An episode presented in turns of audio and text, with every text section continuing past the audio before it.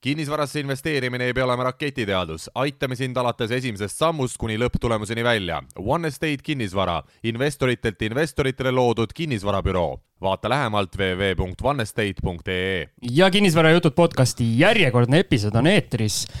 üle pika aja on meil salvestuspäev. algis Liblik on üks saatejuhtidest, tere. tere. ja minu nimi Siim Semiskar ja üks asi, mis on muutunud vahepealse ajaga, on see, et kommikauss on täienenud jaa, tulin täna hommikul ja täiendasin varusid, et, et saaks ikka pidulikult laua taha istuda, sellepärast et, et olen ise viimasel ajal kontorisse natuke vähem jõudnud ja mõtlesin, et ei tea, mis hävitustöö on üle käinud, et siis täiendasin varusid. vaadates su vägevat rannavormi, siis ma saan aru, kus need eelmised kommid kadusid. ei, no ma ütlen, et oleks siis need kommidest, et siin on ikka kõike muud ja head ja paremat saanud hammastest, hammaste vahelt sisse lasta, et kommid on kõige väiksem asi. okei okay,, see minut, mis me nüüd ära pläkutasime, oli kõige ebahuvitavam minut sellest tänasest saatest, sest. oota, ei tegelikult enne kui me läheme külaliste juurde, ikkagi, ma ikkagi tahaks rääkida sellest päevast, mis vapustas maailma. et me oleme siin kaks ja pool aastat või peaaegu kolm aastat rääkinud, et, et Siim ei ole Instagramis ja mida mina üks päev näen, vaatan, et Siim Semiskar on Instagramis, et mis juhtus juhtus see, et ma tegelikult läksin luurama, mida teised inimesed teevad ja sina loll lihtsalt pläkutasid välja selle kõik. Nii et kõik, kes te nüüd teate, Siimul on privaatne konto, ta isegi minu seda eh, pole ära accept inud, et ma saaks teda jälgima hakata, nii et minge kõik lihtsalt tulistage ja hakake teda jälgima, et ta ühel hetkel saaks aru, et et eh, peab ikkagi nagu kapist välja tulema. Õnneks pole midagi jälgida seal. Aga kas ma nüüd võin minna edasi? ehk siis meil on ülihuvitavad külalised meil on külalised ehm, Eesti kõige salapärasemast paigast Ida-Virumaalt ehk siis ehm, mehed idast, kinnisvarainvestor ja maakler Raivo Reva ja väga kirjut elu elanud elukunstnik ja kirjanik Toomas Legrand. tervist! no tere mehed ja aitäh kutsumast! tervist, tervist!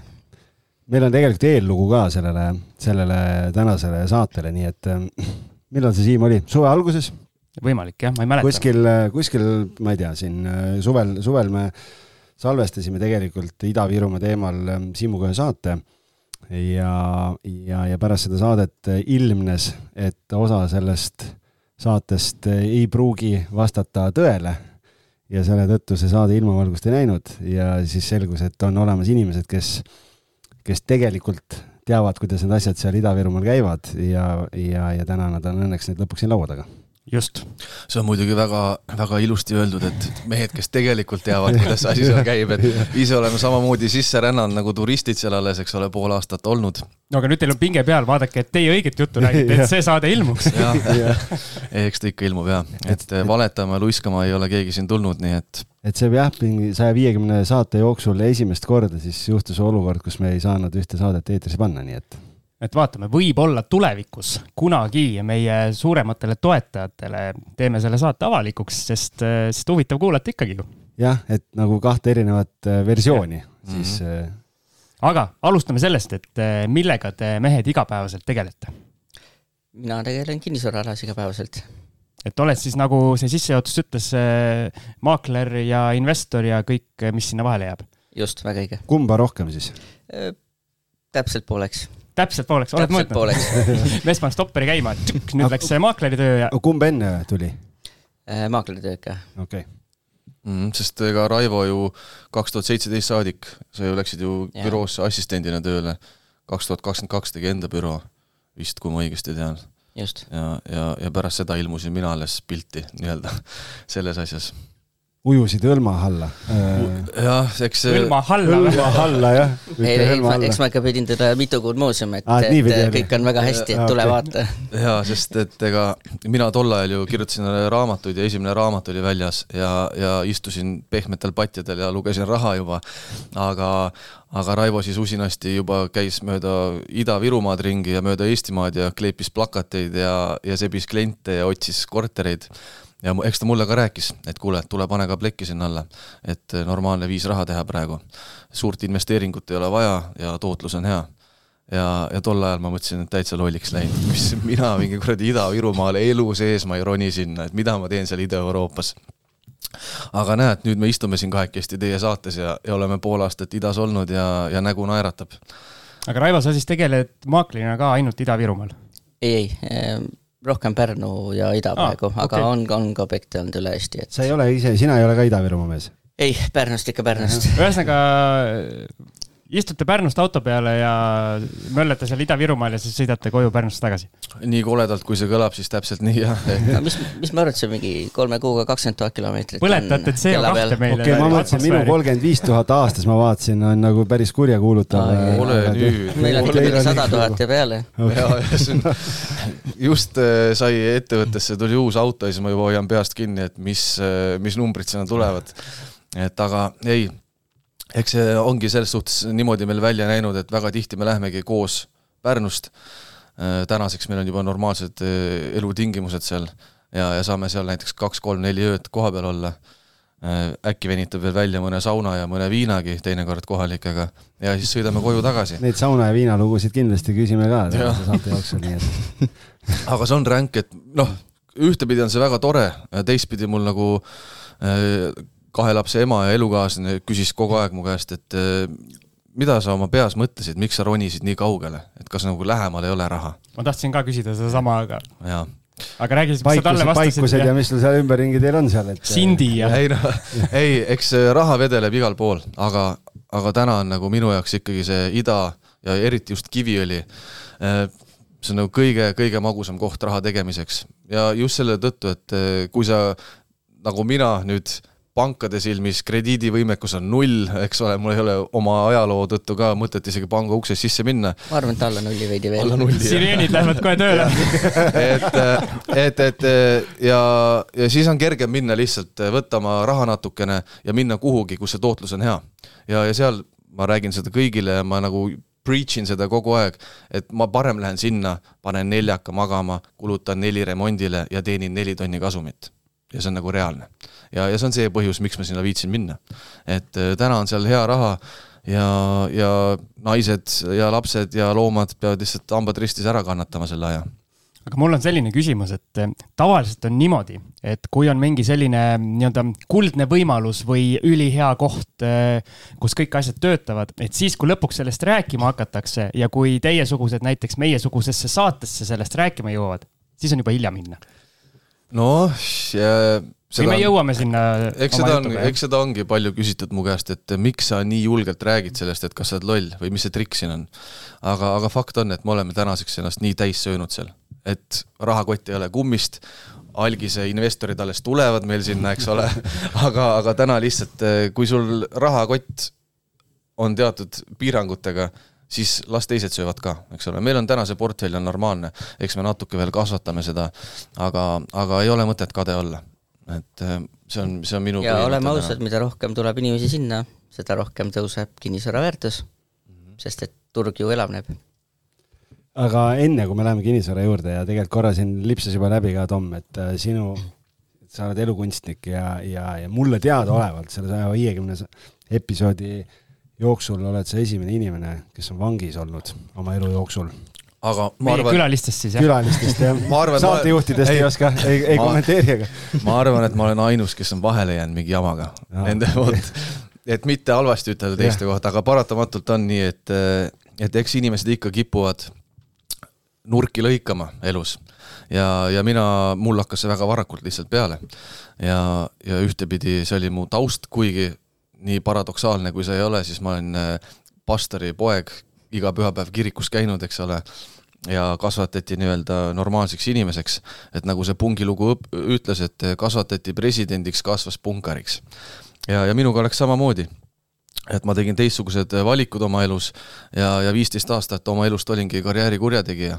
teenisin leiba ainult äh, kelmusi sooritades, nihverdades, susserdades ja, ja tänaseks ma olen muidugi kaks raamatut sellest kirjutanud ja, ja olen selle eluga äh, hüvasti jätnud täielikult. mida tähendab karjääri kurjategija, kas äh, seal valdkonnas on ka nii-öelda tööpäevast tööpäevad üheksast viieni, et istud kontoris ja mõtled uusi plaane välja? no seal on tegelikult kakskümmend neli seitse töö käib, eks ole, aga, aga karjäärikurjategijat, mina liigitaks seda niimoodi, et eh, kui te mainisite ka, et ma olen vangis istunud, eks ole, siis kui sa vanglasse lähed ka siis, siis üheksakümmend protsenti inimesi on tegelikult tavalised inimesed, kes on teinud mingit jama.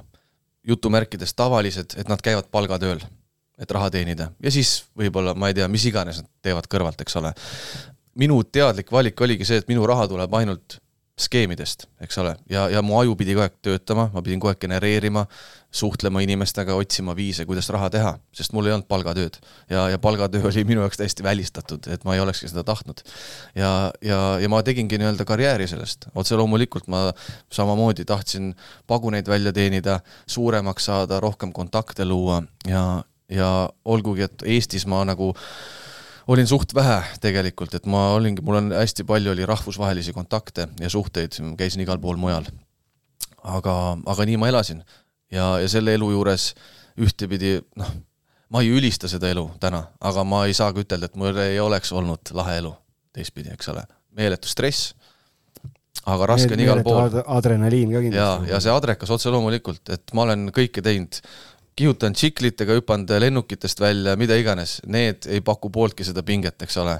kui see, kui sa oled parasjagu kuskil teema peal, kasutad võltsitud dokumente, liigud üle piiride, tassid raha, mida iganes sa teed. et see, see tuhin ja see kaif on tegelikult midagi muud. aga kahjuks see tuli minu raskest lapsepõlvest nii-öelda, et aga pisaraid ma siin täna valama ei hakka, eks ole, ja seda ma pole kunagi taotlenud, et keegi mulle kaasa tunneks. aga jaa, et täna, olles siin, kus ma olen ma olen päris ühe korteri ja maja lihtsalt läbi paugutanud. et see rahasumma, mis ma olen teeninud oma nende viieteist aasta jooksul, on tegelikult nii absurd ja lihtsalt läbi sõrmede lasknud. et ma olen täna kolmkümmend seitse ja, ja nüüd alles olen teadlik oma otsustes, mida ma ostan, kuhu ma kulutan, kuhu ma investeerin. et ühtepidi väga ränk, teistpidi jumal tänatud, et nüüd juhtus see, mitte viiekümneselt. kui kauaks sind sinna järele mõtlema viidi? Viimane kord ma istusin kaks tuhat üheksateist aastal, ma sain kolm aastat vangistust, aga poolteist pidin reaalselt kinni istuma Soomes. oligi suuremahuline pettus, võltsimine, võltsimise katsed, et, et mul oli oma väike dokumendivabrik ja, ja ta noh, põhimõtteliselt ma ikkagi kasutasin neid dokumente ise kuritegude sooritamiseks. et kui sa oled keegi teine, või varastad kellegi ettevõtte, kaaperdad, eks ole, hea krediidivõimelise ettevõtte, äh, siis on väga lihtne saada kaupu, teenuseid ja mida iganes arve peale. ja, ja see oli üks selline väga sisse tallatud tee siis, mida ma näiteks Soomes nagu tegin. et äh, eraisikut petta ei tahtnudki nii väga, pole kunagi tahtnud. aga pangalt raha võtta oli, tundus nagu okei okay.. Robin Hood või? jah, vot see on üks äh, loll, äh, väga ekslik arvamus, aga nii ma tõesti suhtusin ka iseendasse vanasti. aga eks neid kannatajaid oli palju, ega vahet pole, kas ma võtan suurettevõtte käest või, või kust iganes, eks ole, vahet pole, kas paistab, et neil on palju, äh, neid kannatajaid on seal alati. mis nüüd muutus viimane kord siis, kui sa, kui sa vahele jäid? eks üks asi oli see, et mul oli suur hirm päriselt oma perest ilma jääda. ja, ja teistpidi oli see, et ma ei tea, ma olin kolmkümmend kolm ja hakkasin mõtlema, ma reaalselt arvasin, et ma tean, mis mu elu mõte on, et, et ma jäängi eluaeg selliseks sebijaks. ja siis ma mõtlesin, kas ma tõesti tahan viiekümneselt ka vangis olla. sest ma nägin oma elu kordustuse peal kogu aeg. ma olin ju varem ka vangis istunud, mul oli enne ka olnud suhteid ja lapsi ja, ja kõik pani kogu aeg kordust. ja, ja ma lihtsalt mõtlesin, ma ei taha seda aga mis mind üldse käivitab ja ma hakkasin tagasi kerima, mõtlema, miks ma selliseks kujunesin ja, ja läksin tagasi lapsepõlve ja hakkasin endaga tööd tegema, endale otsa vaatama, teraapiates käisin, mida iganes veel tegin. ja eks see kestab, see teekond, eks ole. aga, aga täna ma tunnen, et ma olingi nagu paremat väärt ja, ja ma olen selle parema elu nii-öelda saanud. ja ma olen jumala õnnelik selle üle kuskil filmis mina mäletan sellist stseeni, kus üks, üks kurjategija siis ma ei tea, kas hooples või rääkis, kui palju ta on vangis istunud ja kui hea, kui hea kriminaal ta on. ja siis selle peale öeldi, et kui sa nii palju vangis oled istunud, äkki sa ei ole nii hea kurjategija, et võib-olla peaksid karjääri vahetama. ma olen täiesti nõus. ma olen täiesti nõus sellega. Äh, olgugi, et ma olen tegelikult viieteist aasta jooksul äh, kolm korda äh, vanglas pidanud istuma, ühe korra eeluurimises, siis ütleme niimoodi, et need asjad, millega sa vahele jääd kelmina see on köki-möki. et kui ma jääks kõikide asjadega vahele, mis ma teinud olen, siis ma ei saakski kunagi vanglast välja, eks ole. aga fakt on see, et varem või hiljem sa saad karistada nagunii. ja fakt on see, et vahele jääb inimene alati oma süül. oma lollusest. oma lollusest, sa kas muutud liiga ahneks, sa kas oled liiga laisk, liiga mugavaks muutud, et, et äh, alati jääb inimene ise vahele kõikidele kuulajatele, kes ka võib-olla on vangis istunud või teavad kedagi, kes vangis istunud on väga paljudele meeldib ütelda, et tema pärast jäin vahele või mis iganes, ei. sa ise põhjustad seda, eks ole, alates sellest valikust, kui sa otsustasid libedale teele minna aga kindlasti äh, inimene, kes vanglasse satub, midagi tegi valesti ja, ja pole mõtet hoobelda sellega. et ma kunagi ei ole sellesse suhtunud nagu mingi auasja. et äh, pigem on see ikkagi nagu häbiasi. aga see, miks ma nii julgelt sellest rääkisin, ongi see, et esiteks Eestis ei ole pikka aega keegi rääkinud neid lugusid, eks ole jah, üheksakümnendatel olid pätid ja me teame, kes seal olid ja laomellid ja asjad ja kõik, elu läheb edasi. aga, aga mul oli seda vaja, et iseendale ka otsa vaadata, oma lähedastele näidata ja üldse eestlastele, et varjatud naeratuse taga ja nii-öelda hea elu taga võib olla nii palju sitta ja nii palju stressi ja paska, et see lihtsalt ei ole seda väärt vot. ja täpsemalt siis saab lugeda su äh, asjadest äh, kahest raamatust, ma saan aru, ühe sa tõid meile nii-öelda mm -hmm. kingituseks ka et äh, jah, et tee äh, väike reklaam, kust inimesed siis saavad, äh, saavad lugeda. ja, ja millest on raamatud ja Just. nagu, mis? et äh, esimene raamat, Kelmi süda, seda saab täna ainult raamatukogust, sellepärast, või e-book'id on ka, sest kaks tuhat eksemplari müüdi läbi poole aasta jooksul, mis on tegelikult jumala kihvt Eestis ühe kirjaniku jaoks, kes on värskelt tulnud, need on head numbrid. Kelmi süda on põhimõtteliselt minu eellugu sellest, kui ma olingi laps, kuidas must sai kurjategija, et ma varastasin esimest korda, kui ma olin seitsmeaastane, viiendas klassis võltsisin dokumente, seitseteist istusin esimest korda Keskkriminaalpolitseis ülekuulamisel häkkimiste pärast, üheksateistaastasena sooritasin esimese suure kelmuse, äh, varastades, äh, kunagi oli selline koht nagu spordiennustus, äh, kakssada viiskümmend tuhat krooni läbi arvutite. Ja, ja sealt, kuidas see lugu siis eskaleerus ja lumepallina edasi liikus. ja, ja teine raamat põhimõtteliselt keskendub, esimese raamatu lõpus ma reaalselt arvasin, et mu elu muutub. ma tutvusin oma naisega, kellega mul on kaks last ja, ja ma olin raudpolt kindel, et mu elu muutub. aga muutuse jaoks oli ka raha vaja ja siis ma võtsin pättidelt veel kolm kümpi ära. ja, ja sellega see raamat lõpeb, eks ole, ja teine raamat läheb sealtmaalt edasi. kuni siis selle hetkeni, kui mind Soomes vahistati aastal kaks tuhat üheksateist ja, ja pärast seda siis äh, olen elanud seaduskuulekat elu täielikult aga Kelmi süda äh, raamatukogust, seda ei ole kuskilt saada, aga Hundi loomus on siis Apollos ja Rahva raamatus täitsa olemas aga kui sul müüdi poole aastaga kaks tuhat eksemplari välja, miks kordustrükki ei ole? kordustrükk äh, on tulemas nüüd, et ma tegingi esimese raam-, ma ei osanud isegi arvata, et nii palju neid läheb kohe alguses. mul oli mingi, mingi visioon sellest, palju võiks neid müüa, aga, aga teate, nende kordustrükkidega on ka see, et äh, mul on üks halb viga mul meeldib asju teha, aga jätkusuutlikult neid edasi hoida, vot sellega on mul probleem, eks ole, ja seda mulle öeldakse nii palju kõrvalt ka. et eh, oligi tore, tulin, tegin, võitsin, eks ole, Eestis oli raamatu edetabelites eelmine aasta kaheksakümnendal kohal top sajas ja kaheksa nädalat eh, topis üldse müügil. ja, ja ma tundusin, tundus, et saavutasin, mis vaja, eks ole. aga, aga seda kordustrükki küsitakse palju, et, et see on tulemas ikkagi mingi hetk aga minu järgmine küsimus nüüd siit tegelikult teile mõlemale, ma alustan Toomasest, et kui palju see sinu, sinu kirev taust on nüüd seganud sind hilisemas selles kinnisvarategevuses, et ikkagi ma usun, et inimestel on või inimestes on keerulisem sellist usaldust, usaldust leida, kui sul selline taust on või ei ole? ei, absoluutselt on keerulisem ja, ja see on okei okay,, ma olen seda aktsepteerinud. Ja minu üks võte on see, et ma lähen ausalt, räägin kohe ära alati ja, ja, ja olgem ausad, tegelikult on see mind meeletult toetanud äh, see põhjus, miks mul Kiviõlis täna hästi läheb, miks need korterid on sinna tekkinud, miks mul on seal töölised ja head suhted, kõik on tegelikult läbi sotsiaalmeedia tulnud. Kuna ma oma raamatut promosin, olen käinud podcast ides ja Instagrami konto peal, üks hetk hakkasid inimesed küsima, mis sa Kiviõlis teed, kohalikud. ja ma hakkasin nendega tutvuma ja suhtlema. ja, ja teistpidi ma arvan, et täna olla aus täielikult, eks ole, ilma mingi agendata inimestele rääkida, mida ma soovin näiteks teha mm,. inimesed ikkagi tunnetavad seda, et ma ei ole tulnud sinna mingit nagu jama kokku keerutama. näiteks ma tahan südamest kohe tänada Andrus Talsit, kes on Kiviõli Kaubahoovi aktsiaseltsi eh, juhtkonnas ja üks omanikest. väga edukas inimene äh, idas üldse äh,, väga austatud inimene ja ma ükskord helistasin talle lihtsalt ja ütlesin, ma olen Tom, mul on kinnisvaras sõbraga kinnisvara rääkisin enda taustast, ma ütlesin, minu krediidiinfo on nii persses, et sellega ei ole midagi peale hakata, eks ole. aga äh, me käime teie kaubahoovis vahepeal, kas meil oleks võimalik saada näiteks krediiti kaks tuhat euri teie poes? ja ma rääkisin talle ausalt oma loo ära ja kutt ütles, sa saad selle. nii et äh, südamest aitäh, vot see on see, kui sa julged küsida, sa oled aus ja avameelne ja inimene ikkagi näeb sind, et sa oled siiras selles asjas. ma ei lähe sinna kedagi kelmitama, kedagi petma ja tänaseks meil on seal krediit, nii et ma ei pea kaupa kohe välja ostma, vaid mul on ilusti selline kuuajane puhver. ja, ja see on nagu super no vot, aga Raivo, küsime sinu käest siis, et eh, mis see sinu vaade on, kuidas sina nii-öelda Toomast eh, tunned esiteks ja kuidas see usalduslik suhe tekkis teil? no tunnen teda ka päris pikka aega, üle kümne aasta vist äkki täna või. ja ma ei tea, usaldus on olemas olnud kogu aeg, et eh, see taust mind kahjuks ei sega.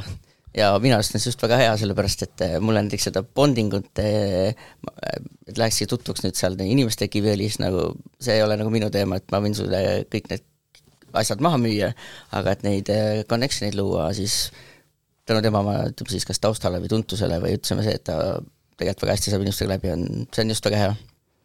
kusjuures üks huvitav asi ongi see, mis puudutab nagu usaldust. Äh, Raivoga, mina ütlen ausalt, minu usaldus temaga kasvas meeletult siis, kui me üks hetk olime teineteisega ausad, ma tulin vanglast välja, ei olnud pikalt suhelnud ja, ja mul meeletult kripeldas. Ja ma ütlesin talle ka, võtsime Raivo ise kirjutas mulle tegelikult, et tahaks mu raamatut ja me juhtusime nagu mees mehega otse rääkima ja ma ütlesin, tead, ma olen sinuga jumala sitasti elus käitunud. ja ta, ta vastas, et ma tean, ma sinuga ka, aga me proovisime lihtsalt ellu jääda. ja kui sa julged tunnistada teisele ja, ja teine sul vastu ütleb seda ja sa mõistad seda ja andestad, siis see on see, mis nagu seda sidet veel tugevamaks teeb. ja, ja meie puhul see nagu paistab, et äh, toimib, et enam loodetavasti teineteisele sitta ei keera no täna on ju lihtne lause, et eh, petta saab ühe korra. jah, see on üks asi, mis et, Raivo alati ütleb, et petta sa saad mind ainult ühe korra, eks ole. et pärast seda on ju kõik.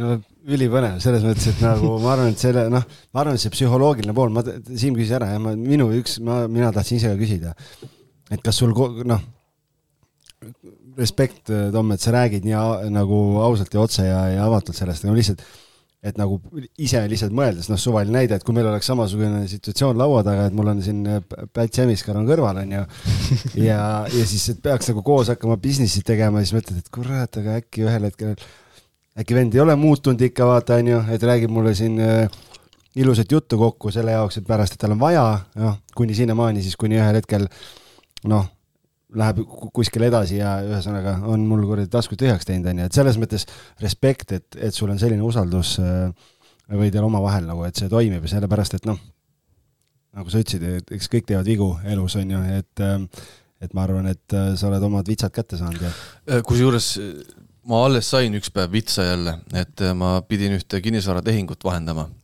ja nii-öelda jutumärkides sõbra asja aitama müüa, tõin ühe teise sõbra Äh, kes äh, elab head laia elu, on Dubais, sõidab luksusautodega ringi ja see raha ei oleks tema jaoks midagi tähendanud. ja ma talle ütlesin ka talle, et ma saan siit vahendustasu.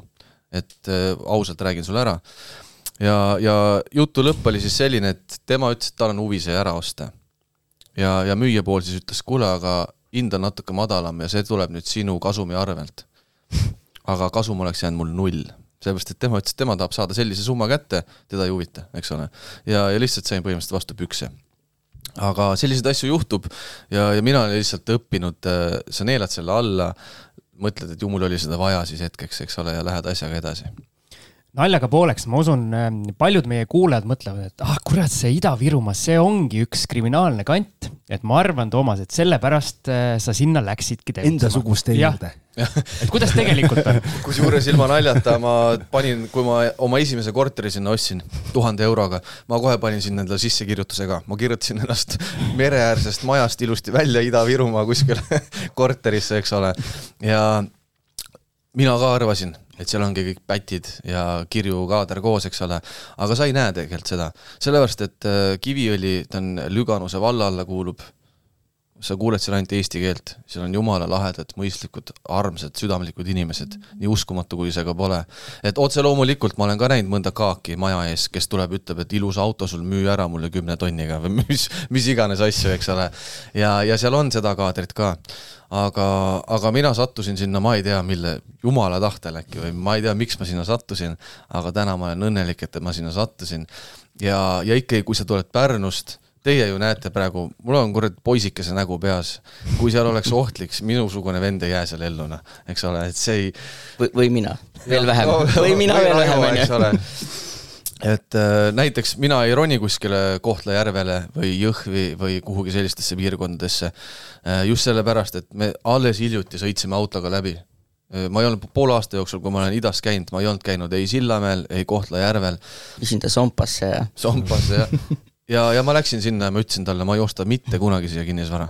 mitte kunagi, lihtsalt see energia seal juba on vale, see on raske ja, ja ebameeldiv. aga Kiviõlis seda ei ole, Kiviõli on ikkagi nagu Eestimaa minu jaoks täna. Aga... meenutage siis oma seda esimest, esimest kinnisvara, mis te idas, idas ostsite koos Eh, mis me koos ostsime.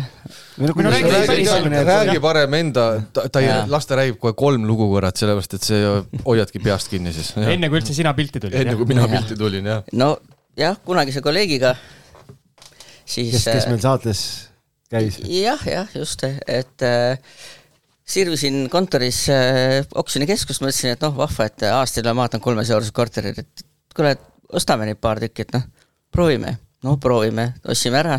Astusin esimest korterisse sisse, äh, kuulen, et mingi muusika mängib.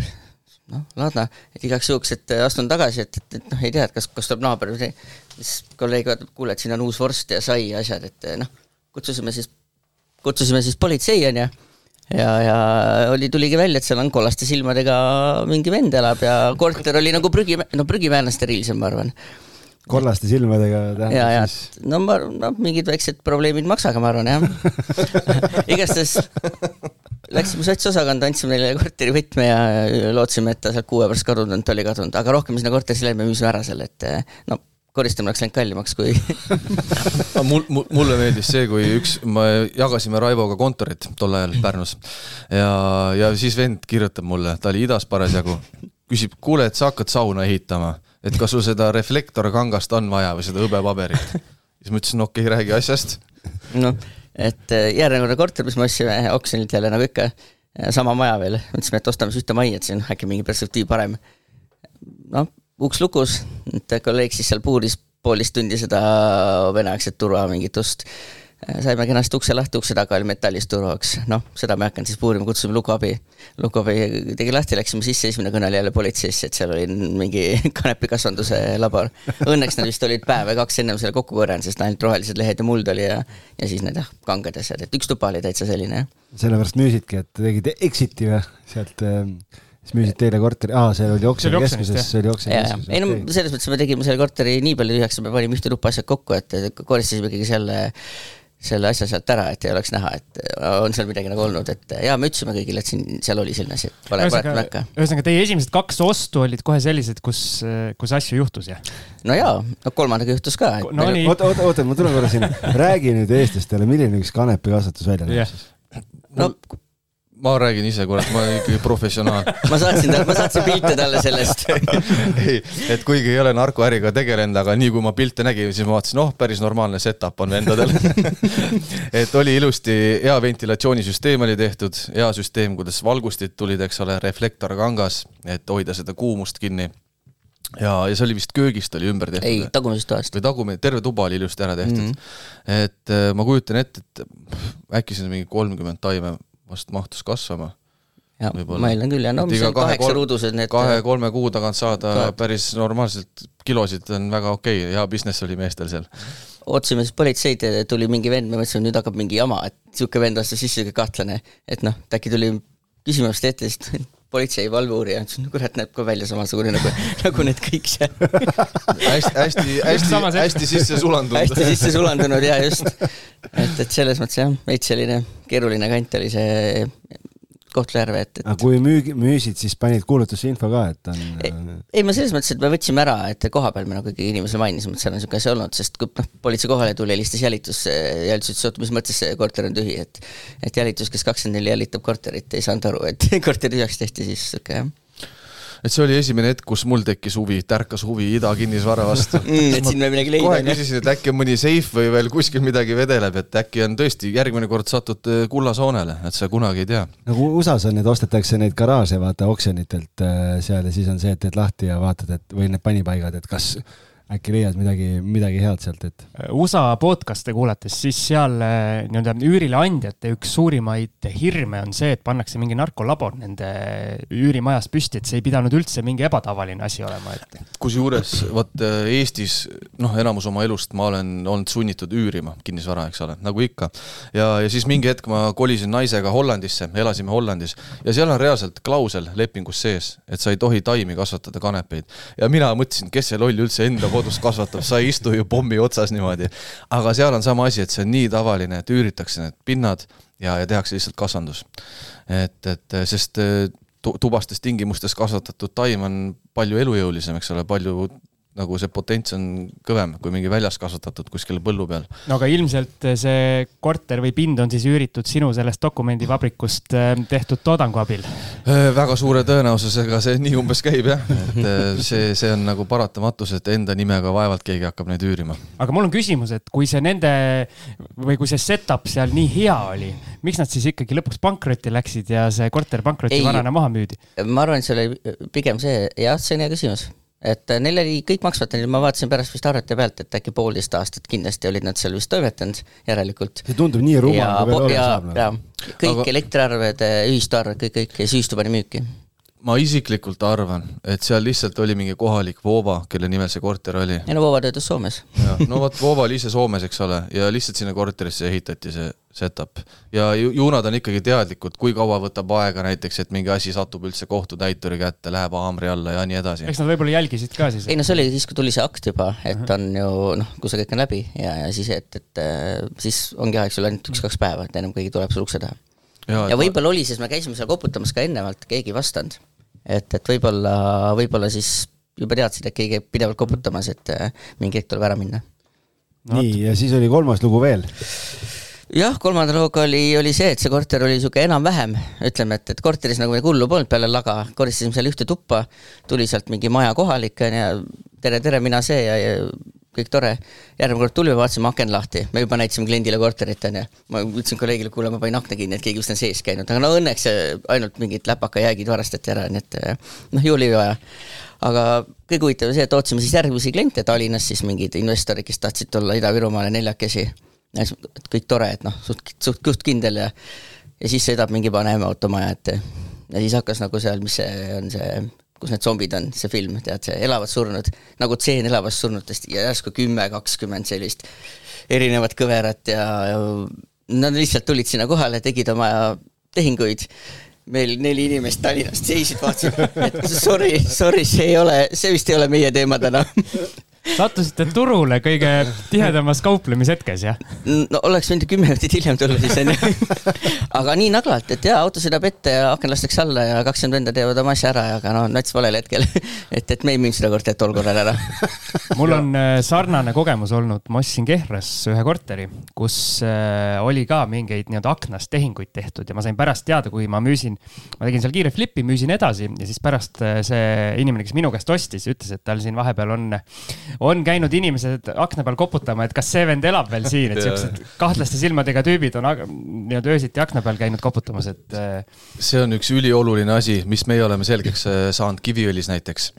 põhimõtteliselt kõikide ühistute äh, juhtkonnast inimesi, nais, eriti naisterahvad, läbisaamine peab olema hea nendega, sest nemad teavad kõike siit sa saad puskarit siit aknast, eks ole, sealt sa saad suitsu ja, ja me oleme nagu reaalselt teinud sellise research'i reaalselt, okei okay,, lähme vaatame, kus midagi toimub. siis tädikesed hea meelega tulevad, räägivad sulle seda, eks ole. see on see kurikuulus naabrivalve. jaa, naabrivalve ja, ja seal toimib see väga hästi ja, ja meie jaoks see on üks kriteeriume tegelikult, kui sa üldse hakkad kuskile majja korterit ostma vaata, mis ühistu seal on, mine vaata, mis autod seal maja ees on, eks ole, natuke saa sellest feeling ust aru, mis seal üldse on või mis seal reaalselt toimub. sest minu esimene korter oli selline, et osta.ee-st ostsin oksjonilt tuhande euroga, polnud kunagi käinudki ise Kiviõlis ega kuskil idas. ja läksin kohale, vaatasin, normaalne, koridoris on äh, joodik, narkar, vanamemm, kes kohe välja tõstetakse, eks ole, ja, ja korter oli selline, et äh, kassid vist elasid seal ja ainult betoon, eks ole esimene, ma ei ole siiamaani sellest korterist lahti saanud, ma ei, ma ei tea, kes selle mulle ära ostab, aga, aga esimene nii-öelda apsakas oli see. Ja, ja pärast seda me oleme väga-väga teadlikult seal ikkagi vaadanud, kus sa midagi ostad. No vot, kohe läheme sinna süvitsi, mida tuleb osta, mida ei tohi osta, aga enne teeme väikese pausi. mida me pausil teeme, Algis? ma arvan, joome lumiraha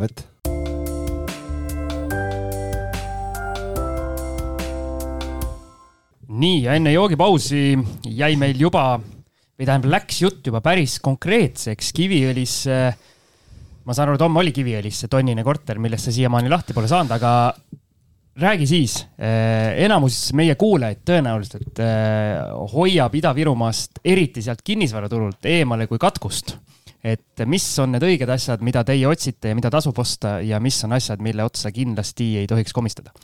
no tänase päevani ma ütleks, et äh, jumal tänatud, et kõik eemale hoiavad, sest äh, palju on neid inimesi, kellel on palju paksem rahakott kui meil siin kodukandi kinnisvaras.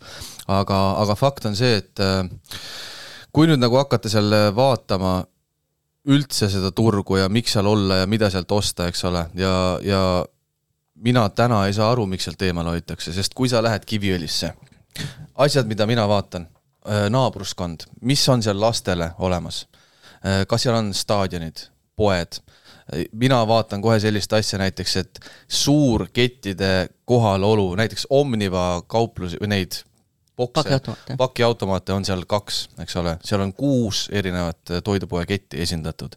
Seega midagi tehakse seal juba õigesti, eks ole. et Ma... mingid suurorganisatsioonid on tausta on, teinud, et jaa et tasub minna? jaa, raudpolt. Äh, teiseks, mul oli sama arvamus, et sellest tuleb eemal hoida, sest see on kuidagi meil nii pähe tambitud, et ida, Venemaa on lähedal, tehased, keemiatööstus, mis iganes, et sured sinna nende vingude ja haisude kätte ära, eks ole. see ei vasta täna tegelikkusele. esiteks, äh, tehastes toimuvad uuendamised, eks ole, meil on eurodirektiivid, mis näevad ette, palju sa üldse võid midagi kuskile lasta, filtrid, asjad, see kõik on väga muutunud. see nõukaaegne suhtumine ja, ja kogu see mentaliteet, et ida on paha ja seal elavad vaesed ja seal ei ole midagi teha, see ei vasta täna tõele ma olen varem seda ütelnud ka, kui sa oled samasugune rott nagu mina, et sul ei ole sadu tuhandeid, et investeerida ühe hetkega, siis mine sinna, sellepärast et seal ongi see tootlus selle investeeringu pealt on meeletu. kui ma ostsin tuhande euroga korteri, okei okay,, ma ei ole sellest täna lahti saanud, täna sa enam tuhandega ei saa. viimased kaks korterit me ostsime, üks maksis neli tuhat viissada euri ja teine oli viis tonni. ma olen üliõnnelik, et ma sain need sellise hinnaga. viietonnine korter on reaalselt täiesti seal kesklinnas, Uus tänav üks, ma teen sellest Airbnb ikka. ja, ja kui ma nüüd tahakski, see on kõrgete lagedega Stalini-aegne korter, jumala kihvt, romantilised majad, eks ole. et, et ja kui ma tahaks ta lihtsalt flip ida, ma kulutan seitse tuhat, mul Exceli tabelis on ainult seitse tuhat läheks veel remont mis see teeb nüüd kokku, kaksteist tuhat, aga ma võiks kuskil viisteist või kaheksateist ette panna ja see läheks kiiresti ära. ei, see on vähe, et samasugune korter läks kahekümnega viimati. no, no turg jookseb eest ära sul. ma ei ole ahne, noh, järelikult. aga teie oletegi turg ju seal no.. ise, ise teete turgu ette endale? ei, me ei tee turgu ette, aga tõesti täna üks kolmandikust kuulutustest ja turust on Kodukandi kinnisvara käes, et äh, on seal küll väga palju konkurente, kes seal ka teevad, et äh, Pindi kinnisvaras tiimil on tubli, aga, aga me oleme kohapeal reaalselt ja me lihtsalt vaatame, mis seal toimub, et. no aga kui kolmandik kuulutusi või objekte on justkui nagu sinu mm., sinu käes, siis see, see turutunnetus ja see hinnateadlikkus on ikkagi mega hea ju. või no peab olema. jah, nii see on, tõesti, tõesti nii see on, selles mõttes, et me ei äh,, siin käis kunagi läbi mingi sõna meediast, et keegi spekuleerib hindadega, on ju, nagu turumanipulatsioon, aga kui vaadata hindasid, mis on ka oksjonil, mida müüb vald, viimased olid, mis ma vaatasin täna hommikul, oli seitse tuhat alghind. vald pani, vald, vald pani viie tuhandega alghind. noh, ja üldse, kui palju inimesi sinna tulnud, see turg tõuseb ja me ei saa ju müüa siis enam kahe tuhandega või kolme tuhandega, siis me ju viskame, noh, tõmbame turu alla. ütleme niimoodi, et äh, kuue kuuga see hind on nii hüppeliselt kasvanud ja okei okay,, võibki öelda jah, kui sul on endal kümme korterit, sa paiskad need turule ja kerid selle hinna ise ülesse. aga ärme unusta ära seda, et näiteks Lüganuse vald, kui ta paneb objekte müügile, neil on riiklik hindaja tõenäoliselt kes ütleb, mis hinnaga me selle müüki paneme. ja, ja tema ei saa võtta neid numbreid õhust, eks ole, tal on tabelid, palju mingid asjad maksavad tänase seisuga. ja, ja kui Lüganuse valla korterid ongi seal kolm, viis, seitse tuhat eurot juba alghinnad, eks ole, siis me oleme väga heal kohal ja heal positsioonil tänaseks, eks ole. et äh, jah täna sa ei saa, aasta aega tagasi sa said sealt viiesaja euroga, äh, viiesaja euroga veel korterit osta, täna seda ei juhtu.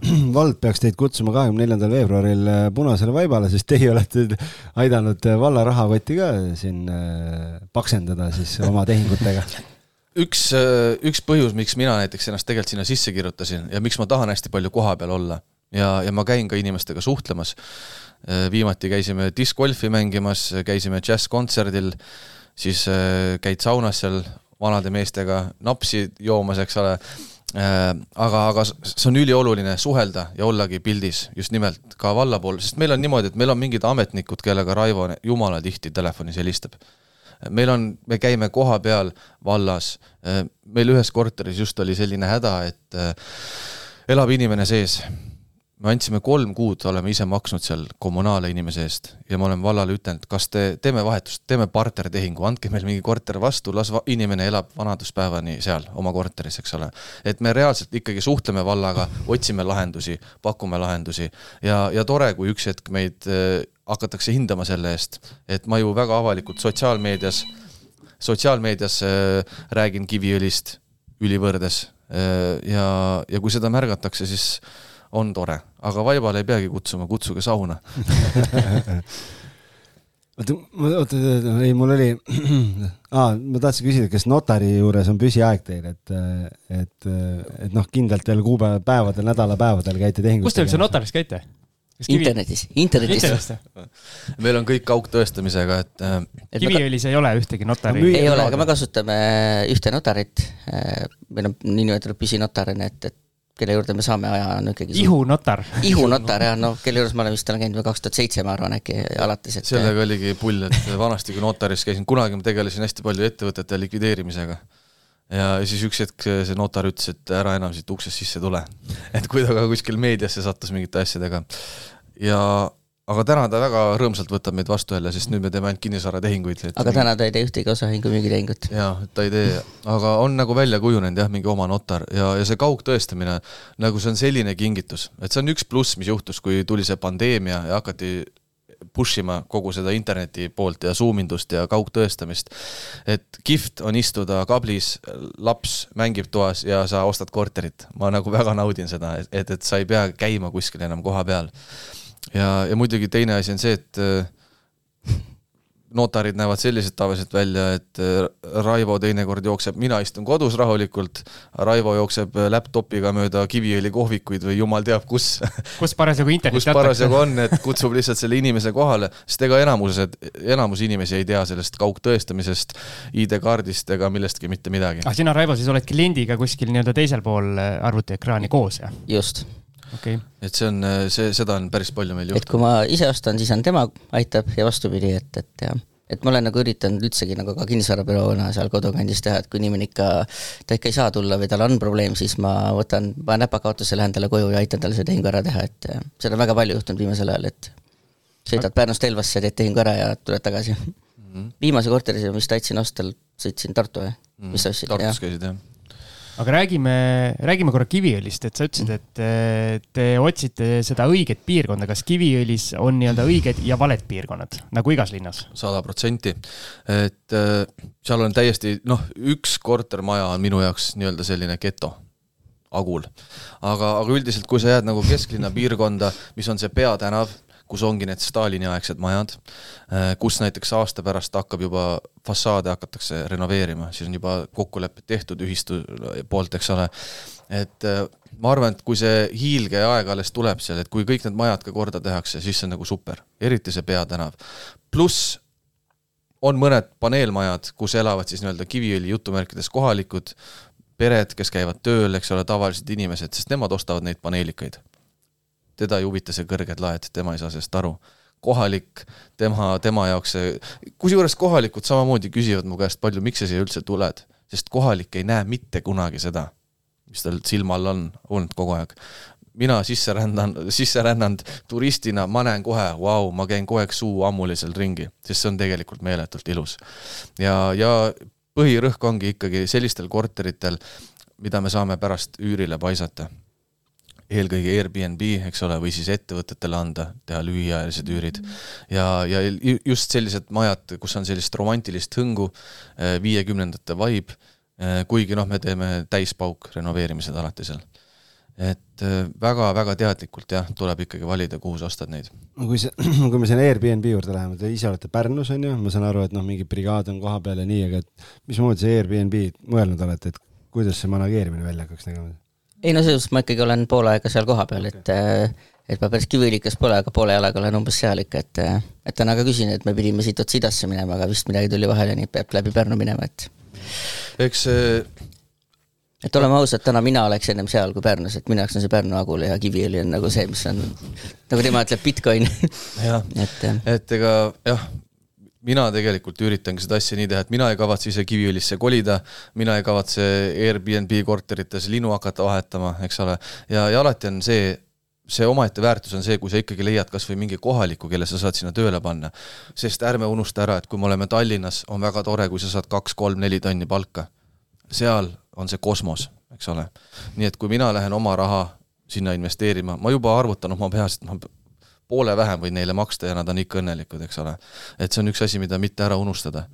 aga, aga kogu see Airbnb indus ongi selline asi, et see on nii huvitav, et Kiviõlis on neid kortereid päris palju, mis antakse niimoodi üürile. kui sa vaatad seda, ma ei tea, KV24 või KV.ee-s neid üüriturgu, eks ole, seal on kaks-kolm korterit ainult. praegu vist oli üks. üks korter nii-öelda, mis antakse pikaajalisele üürile. aga ma olen rääkinud nii paljude inimestega kellel on endal kohalikud, noh, kes on seal natuke edumeelsemad inimesed, neil on kaks-kolm korterit ja kogu aeg on pikalt väljas, eks ole. et, et see on ikkagi see, see suund, mis mina olen täna otsustanud ja me oleme sellest rääkinud, eks ole, et hakkame seda hoidma.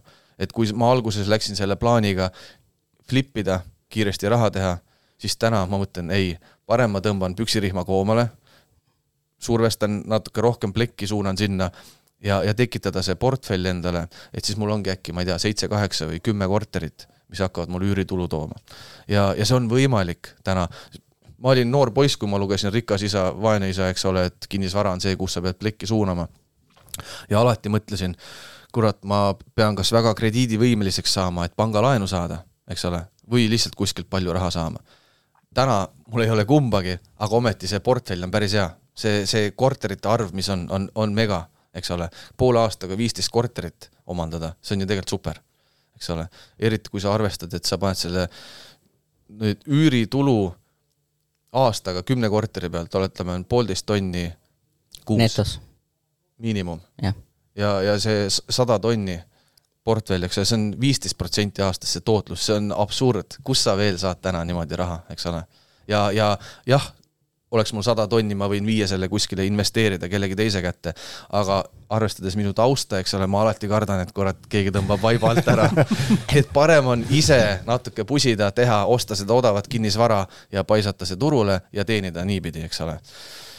no kui me nüüd mõtleme nende tehingute peale, mida te olete teinud, on ju, et ähm, kas kõik on ainult oksjoni asjad või olete nagu tavaomanike käest noh, nii-öelda nagu portaali kaudu ka, mitte oksjoni? ma arvan, et oksjonist vist on kolmandik, ülejäänud on kõik tulnud juba läbi, läbi kohalike ja läbi tutvuste. jaa, kõik, üks, üks võtmesõna seal ongi see, et äh, network imine, suhtle inimestega, eks ole, et äh, oksjonitelt pole ammu enam mõtet osta meie jaoks. jah, mul on siin mingid tuttavad, kes on kirjutanud, et ta nüüd oksjonilt ostis kaks korterit, noh, läbi Instagrami ja et aitäh, Tom, et sa andsid selle vihje. Neid on päris mitmeid inimesi. Äh, meie oksjonilt enam ei osta. nagu ma ütlesin, äh, suhtle inimestega, ole avatud. me ostsime ühe maja, kolm pool tuhat euri koos tonnise krundiga. kesklinnas. kesklinnas, tänu sellele, et Raivo käis poes ja oli viisakas müüjaga ja sattus jutusoonele. ja okei okay,, me ootasime seal kuu aega seda tehingut, aga see juhtus. ja, ja me võiks täna selle ära müüa kümpsi eest, rahulikult, kümne tuhande eest võiks täna ära müüa. ja jah, okei okay,, selliseid asju kogu aeg ei juhtu, aga see on see võti. ja, ja kui ma alguses sinna läksin, üksikud kohalikud hakkasid mul neid kortereid ette tooma, sest ma ütlesin, ma annan sulle sada-kakssada eurot vahenduse eest too mulle, kui sul on sõpradel või emadel või kellel iganes, too need korterid mulle. sest kohaliku jaoks on see kulu, Kiviõli soojus, jutumärkides kohalik maffia seal, eks ole, kütab neid arveid nii, et ma ei tea, silmad peast väljas inimestel, eks ole, ja keegi ei taha maksta surnud hobust. Ja nad hea meelega müüvad need korterid ära. Et äh, ja, ja selline, see suhtlus on kõige alus, no ilma naljata ma räägin, ma käisin, jõin saunas viina ühe vana mehega, istusin siis lõpuks paljalt saunalaval ja ta pritsis mind voolikust veega ja ma mõtlesin, kas see ongi päris elu. aga selle tulemus oli see, et ma sain selle Uustänava korteri lõpuks, eks ole. et, et nii see käib, nii see käib. ühissauna värgid no.. et, et ma natuke pean parandama, et see Kiviõli soose maffia on see, et, et nüüd inimesed valesti arvaks, et tegelikkuses need arved on kõrged nende jaoks, kes seal kohapeal võib-olla elavad. meie jaoks näiteks mul vaatasime arveid, et eh, mõni ühetoaline Pärnus on palju suuremate arvetega, kui on seal kolmetoaline, et, eh, et tegelikult neil ei ole suured arved. lihtsalt arvest-, me arvestame seal, kui sealne palk on sinna miinimumi lähedal on ju, või natuke peale ja sa, et siis, siis on selge, et ja. on suur, aga meie jaoks näiteks eh, on see noh, tavaline. ma saan aru, et nüüd on nagu plaan seda üüriportfelli ehitada, aga kui me nüüd mõtleme müügitehingute peale, et ostsite alguses siin oksjonikeskusest ehm, osad panite kohe müüki edasi, osad renoveerisite ära, müüsite, et kes ostja on seal? ostja on ikkagi, eks Raivo teab rohkem tegelikult eh, selle kohta öelda, aga, aga väga palju on ostjate seas just sarnaseid mehi, nagu meie oleme. peole hiljaks jäänud investorid no kas just hiljaks jäänud no,, aga, aga jah. Ütle, peole hiljaks jäänud pruudid on ära tantsutatud juba, eks ole, ja siis nad tulevad. et ütleme nii, et, et torti veel on. teise ringi pruudid või? et torti veel on, et natukene on meil on, alles, aga, aga. saab taldriku pealt kraapida natuke. ei no üks kõige pullimaid lugusid oli see, et me ostsime ühe korteri äh, ma ei mäleta, mis, äkki oli kaks tonni maksime selle eest ja kaks nädalat hiljem müüsime viie tuhande kaheksasaja eest maha.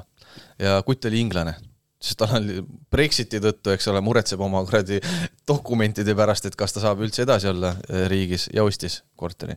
on veel inimesi Norrast, on äh, abielupaare, kes otsivad investeeringut, et üürikorterit teha asju, eks ole.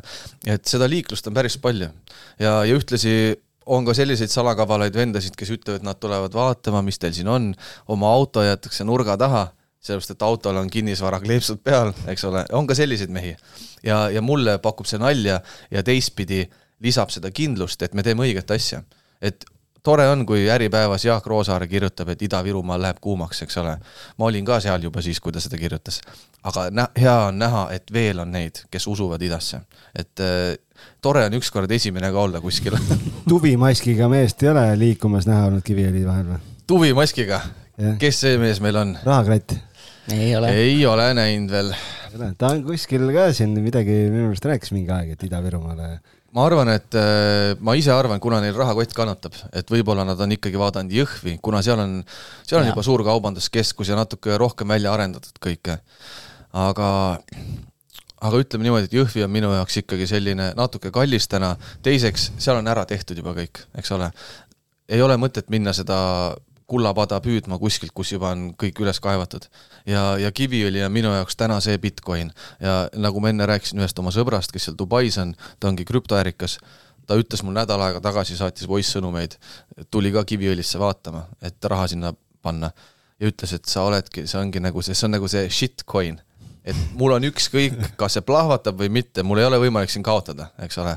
et, et, et ütles, et sa oled nii õiges kohas ja see on, sa oled nagu naelapea pihta täna pannud. ja tema ütles, et ma tulen siia, ma ostan betooni. mind ei huvita, ma vaatan, mis siin kümne aasta pärast on, eks ole. et kui sul on raha niimoodi, siis ta, esimene asi, me käisime ringi, näitasin talle mingeid pindu ja asju ja siis ütles, et kuule, aga siin tervet kortermaja pole või, et ma tahan tervet maja sest inimesel on võimalus, kui sa kulutad kolmkümmend, nelikümmend tuhat eurot kuus lihtsalt elamise peale, siis sind ei huvita see mingi viietonnine korter, eks ole, see tootlus on tema jaoks nagu olematu seal.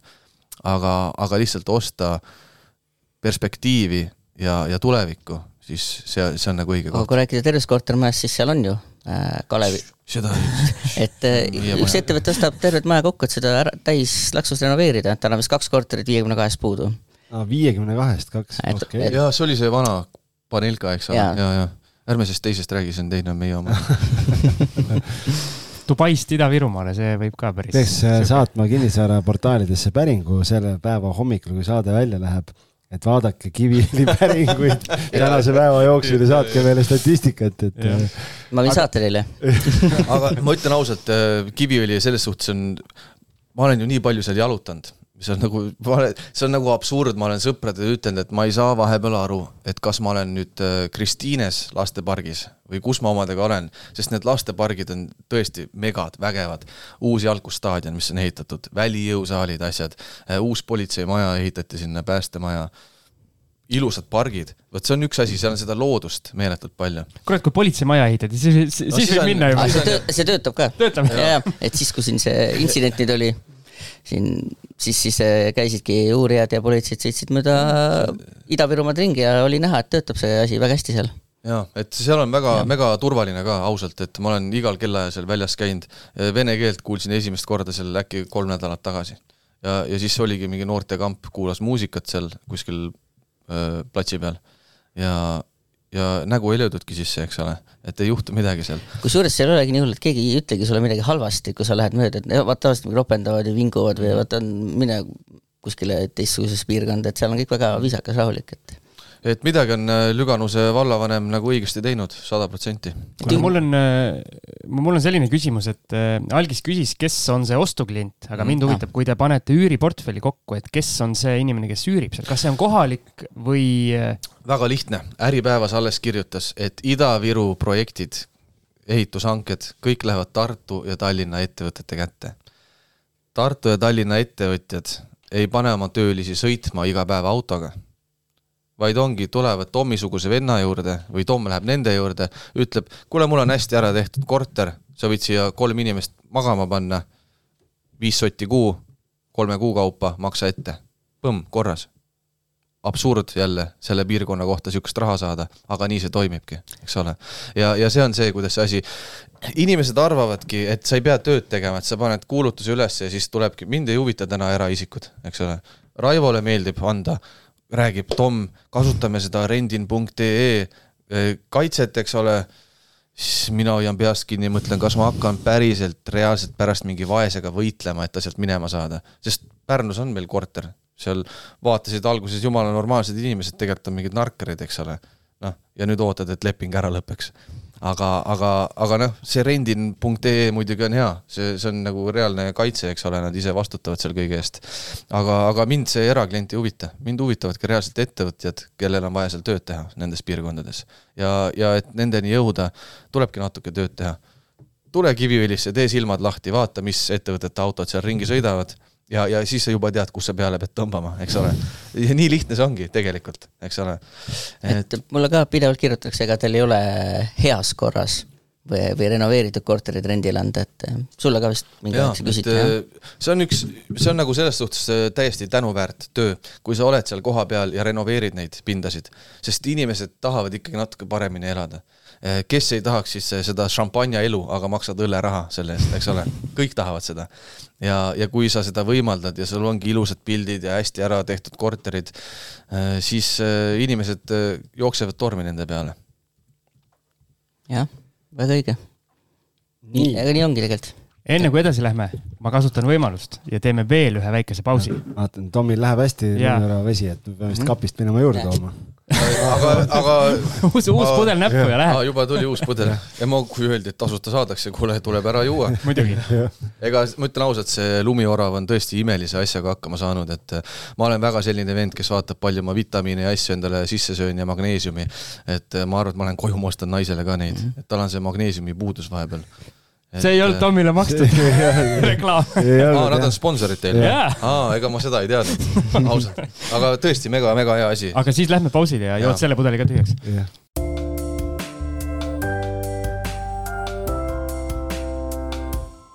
nii lumiorava pudelid on kõik tühjaks joodud ja saame jutuga jätkata.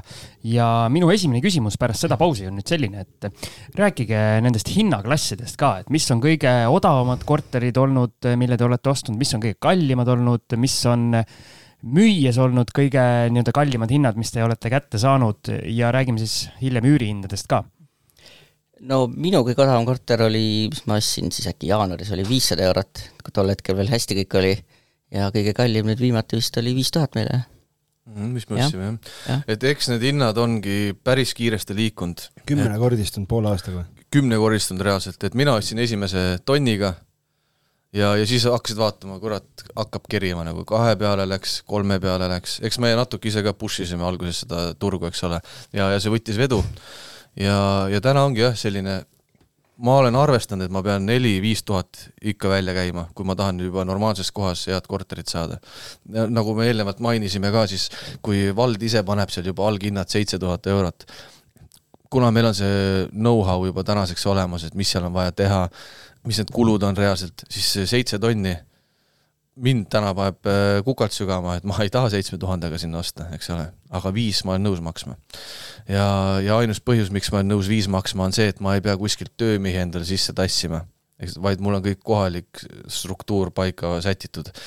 aga, aga noh, üks selliseid, neid flippimisi on tegelikult nii vähe tehtud meil täna, aga me oleme täiesti võtnud sellise seisukorra, et praegu nüüd, mis me kaks korterit lõpetame ära, tõenäoliselt ühele paneme viisteist ette, teise paneme kaksteist kiirmüügihinna. ja, ja ainus põhjus, miks me üldse neid täna müüme, on see, et me saaks raha, mis uuesti pumbata nendesse korteritesse. et äh, meil on väike eelis inimeste ees, kes kv.ee-st või oksjonikeskusest neid otsivad, sest me oleme nii palju inimestega suhelnud ja meil tehakse neid pakkumisi, meil on võimalik valida ja, ja mul on päris paljud inimesed ütelnud umbes, et tead, ma ei saa ise Kiviõlisse tulla, aga kui sa oled mingi korteri välja vaadanud, mida sa ise ei taha, paku seda mulle. natuke on kade meel, ei taha pakkuda too oma raha parem minu kätte, ma annan pool osalusest sulle, pool korterist, eks ole, las ma ise jebin lõpuni sellega. et see on nagu parem pakkumine täna minu jaoks, kui see, et teed teiste jaoks lihtsalt töö ära.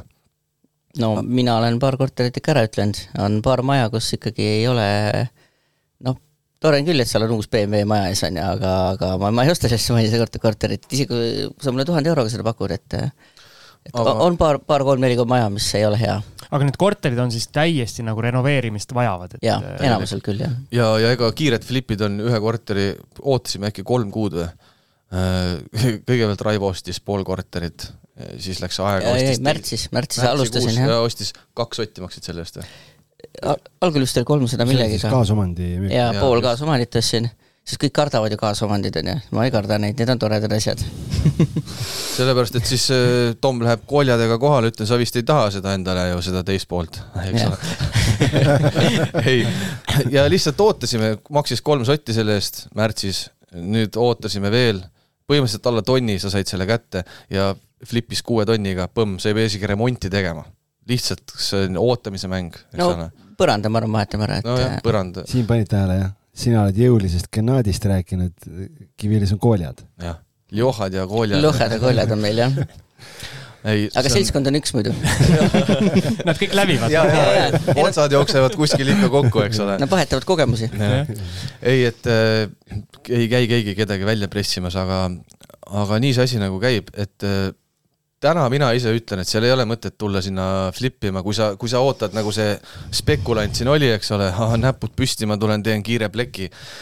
kuule mees, sa siiamaani istud oma Uberike otsas seal, eks ole, sa ei müü seal mitte midagi ja sa ei müügi neid ära, sest sa ei tea, mida sa teed. et äh, täna ei ole mõtet flipata, täna tule osta, kui sul on eelarve, kui sul endal ei ole raha, sebi sõber kõrvale, ostke sõbraga kahe peale, nii nagu meie Raivoga teeme, eks ole, kaks pead on kaks pead. ja, ja tee parem korda ja võta samasugune suund, üüriturg, eks ole. et lihtne on mõelda, et see on mõttetu teema ja väiksed rahad, aga tegelikult ei ole ju. kas ma võtan Tallinnas, ostan sotiga endale korteri, taon sinna kümpsi veel alla remondi jaoks ja siis higistan, et teenin äkki viis tuhat või seitse tuhat, ma ei tea, mis tänase turu juures, kas üldse võimalik on, eks ole aga, aga see risk ja reward nagu, see ei ole balanssis et või, või, või tegelikult on nii, et Kiviõlis ei ole balanssis, eks ole, siis, siis see, mis see kate on nagu nii haigelt suur täna veel.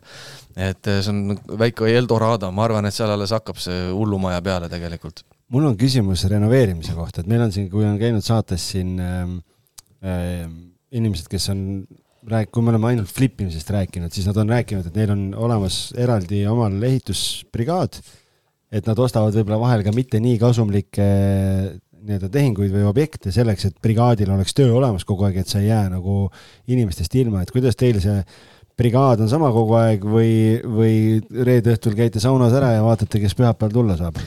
Ja vaata selle kohta ütlengi nii, et üks reede või neljapäev oligi, vend tuli häguste silmadega, ütles Tom, et lisatööd oleks vaja, et kas kedagi karjääri pole vaja viia aga muidu on üldiselt suht samad vennad, keda me kasutame. ja, ja eks need ongi noh, ma ei tea, kakskümmend kolm, kakskümmend neli, kes lihtsalt võib-olla otsivad tööd või nad ei taha päriselt tööl käia, aga selliste meestega on see, et sa pead ise kõrval olema teinekord Äh, nad mõtlevad küll ise, eks ole, ja tööd teevad väga usinalt, see ei ole probleem. aga ikkagi kvaliteedi kontroll, sest sa ei, sa ei saa eeldada, et kui sa maksad seitse euri tund, oletame mehele, et ta teeb tööd nii, nagu mingi maaler, kes küsib, ma ei tea, viisteist, kakskümmend, kolmkümmend, eks ole. ja, ja noh, hästi palju me ikkagi teeme ise ära kuigi viimane kord mul käis Tallinnas üks ehitusspets vaatamas neid kortereid ja ütles, et Tom, ära sina enam kipsi ja pahtlit seina määri. ma saatsin talle pilte ta küsis, kas sa käega panid seda pahtlit, käega määrisid seina seda et ma olen aru saanud ja, ja vot see on jälle see õpiprotsess olnud ma olen aru saanud, et mul ei ole mõtet seal ehitada, sest ma rikun asjad ära. las ma parem sebin, suhtlen, ajan neid asju. Raivo näiteks, ülikõva vend, õppis põrandaid panema ja paneb kõikides korterites ise põrandad maha, sest ta oskab seda, ma näen, see on ilus töö, mis ta teeb. et sul on siis kaks vasakut kätt küljes, jah? jah, mul on suht kehvasti läinud selle asjaga, jah. Welcome tervitan. just. aga mis meil veel?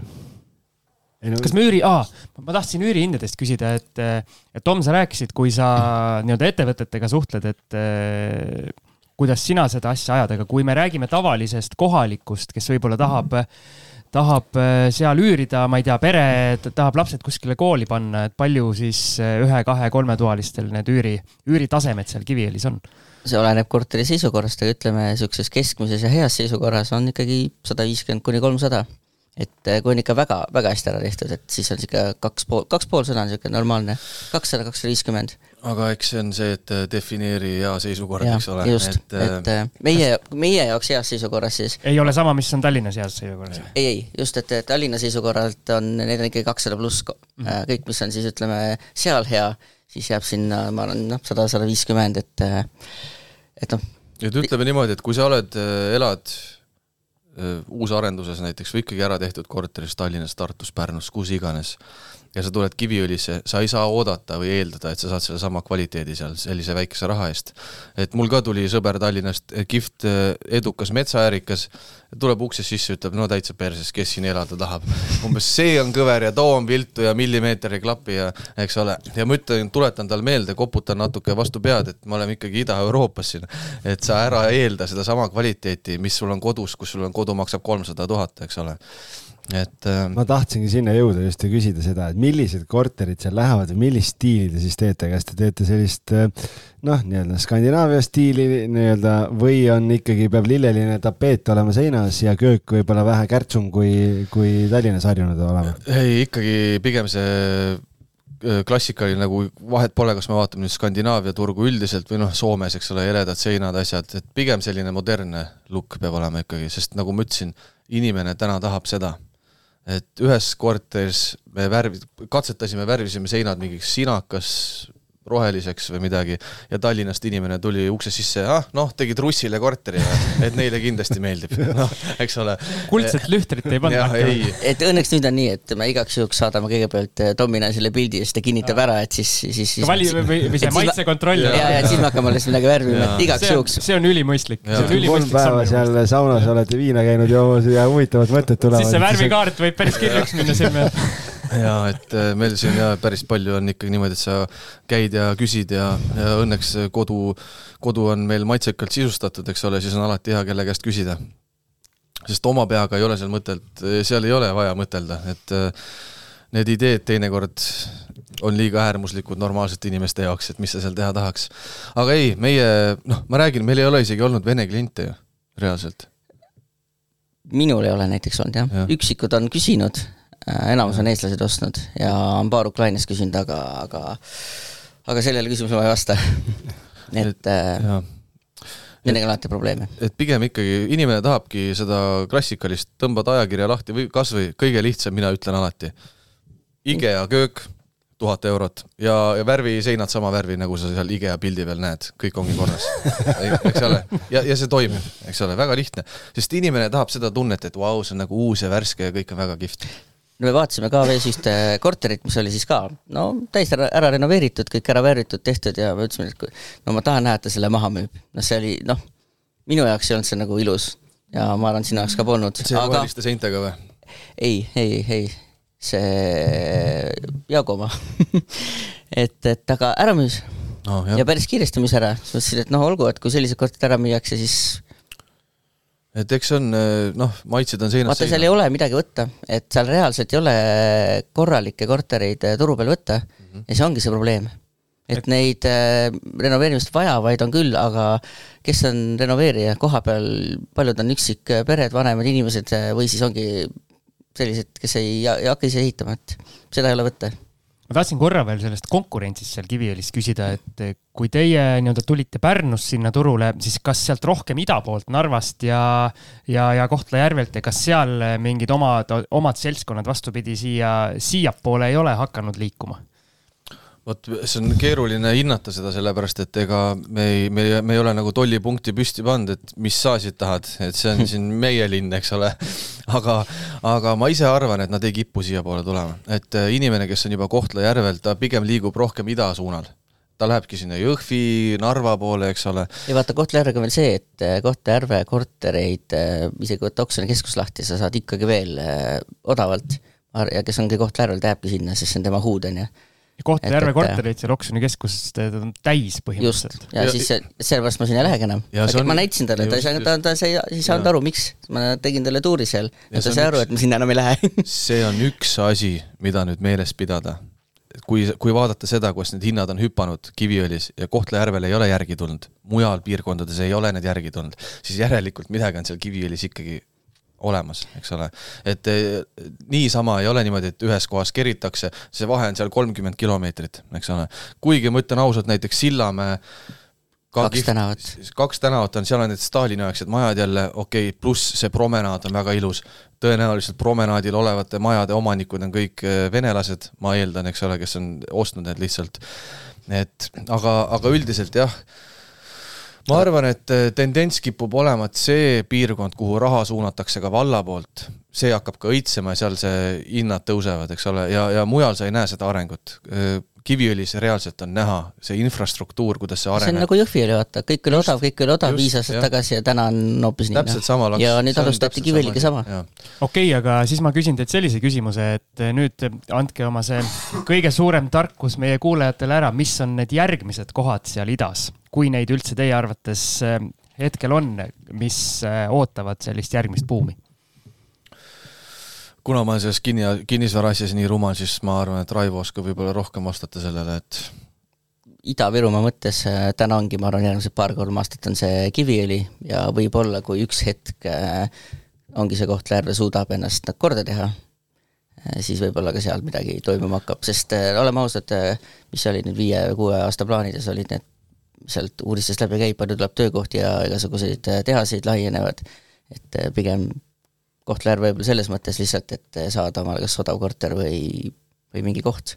jah, vot Kohtla-Järve kasuks räägibki, räägibki see, et kui siin Äripäev jälle kirjutas ka, et aastate jooksul need tehaste laienemised ja asjad, kaks tuhat viissada töökohta juurde sinna luuakse, eks ole, siis äh, sinna kolibki tavaline tööline ja üks põhjus, miks mina nagu ikkagi idasse vaatan, on see, et täna me näeme seda, et kui see kollaps siin ikkagi toimub, inimesed ei jaksa oma pangalaenusid maksta, siis nad peavad odavamatesse kohtadesse kolima.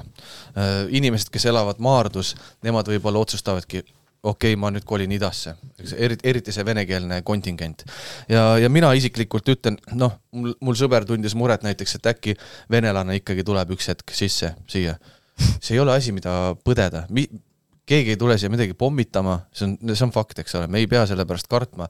Ja, ja inimesed, kes nagu noh, kui sa kardad seda, siis ära tee oma investeeringut nii pika plaaniga, eks ole, arvestage siis näiteks viie või seitsme aastaga. Ja, ja see on fakt, et viie aasta jooksul kindlasti need hinnad tõusevad ka seal juba sellepärast, kus, mis lepingud on sõlmitud just nende are-, arengute suunas, et noh, Euroopa Arengufondi rahad, EAS-i rahad, kõik, mis on suunatud nii-öelda tehaste laienemisesse, arenemisesse, tootmisse, et see on ju kõik reaalne, need asjad juhtuvad. no seda hinnatõusu oli juba siis näha ju, kui äh, maailmas tekkis see olukord ja, ja kõik, meil on ju nüüd üle saja tuhande inimese juures riigis mm, -hmm ja see, juba see oli, sest et äh, oli ju neile vaja elukohti ja kõik, kes siis ütleme, oli suurlinnades, ongi Maardud, Tallinnad, inimesed ei jõudnud enam maksta oma neid üüre, sest neid tõsteti ja neid kommunaale, et äh, mul helistas inimene, et ta tahab emale korterit, elamiskõlblikku, sellepärast et ta maksab juba seal kuuesaja euro. et tal on lihtsam osta mult äh, selle kuue-seitsme tuhandega see korter, ta on aastaga nullis mm. -hmm. et, äh, et vot see ongi see, et see, see ringi liikumine, et progress lihtsalt, et surut-, surutakse välja pluss noore inimesele, jälle sõber Dubaist, nagu mul meeldib teda kutsuda, eks ole, tema ütles ka, et täitsa lõpp, kuule, kui ma teen arvutis tööd, mul on ükskõik, kus ma elan ja ma saan suvalise raha eest põhimõtteliselt endale jumala hea timmi asja siia ehitada, et miks siis mitte eks ole. ja, ja üha rohkem inimesi ikkagi vaatavad sinnapoole, ma arvan, ja üha rohkem inimesi mõistavad, et need vahemaad Eestis on nii väikesed sa paned seda Tallinn-Narva maanteed, see ei ole ju mitte midagi, eks ole. mul üks hull sõidab seal sada nelikümmend, ta on kogu aeg pedaali peal, eks ole, naisterahvas. oh, nelikümmend minti ja ma olen kodus. no normaalne, tore, kui oled, eks ole. aga, aga see on see reaalsus. et ma elasin kunagi Helsingis, iga päev kihutad seal Espoo, Vanta vahet sadu kilomeetreid tegelikult, et oma asju ajada ja, ja eestlasele see ei mahu enne pähe, kui sa oled ise selle keskel olnud ja siis sa saad aru, et need vahemaad ei ole mitte midagi. pluss meil on see rongiliiklus, kõik toimib väga hästi. ma kusjuures testisin ära, ma tulin bussiga Tallinnasse, Tallinnast istusin rongi peale, sõitsin Kiviõlisse et äh, see toimib väga hästi, et äh, Twenty four hours later just, just, just. et ei olnud kaks pluss poolteist tundi või?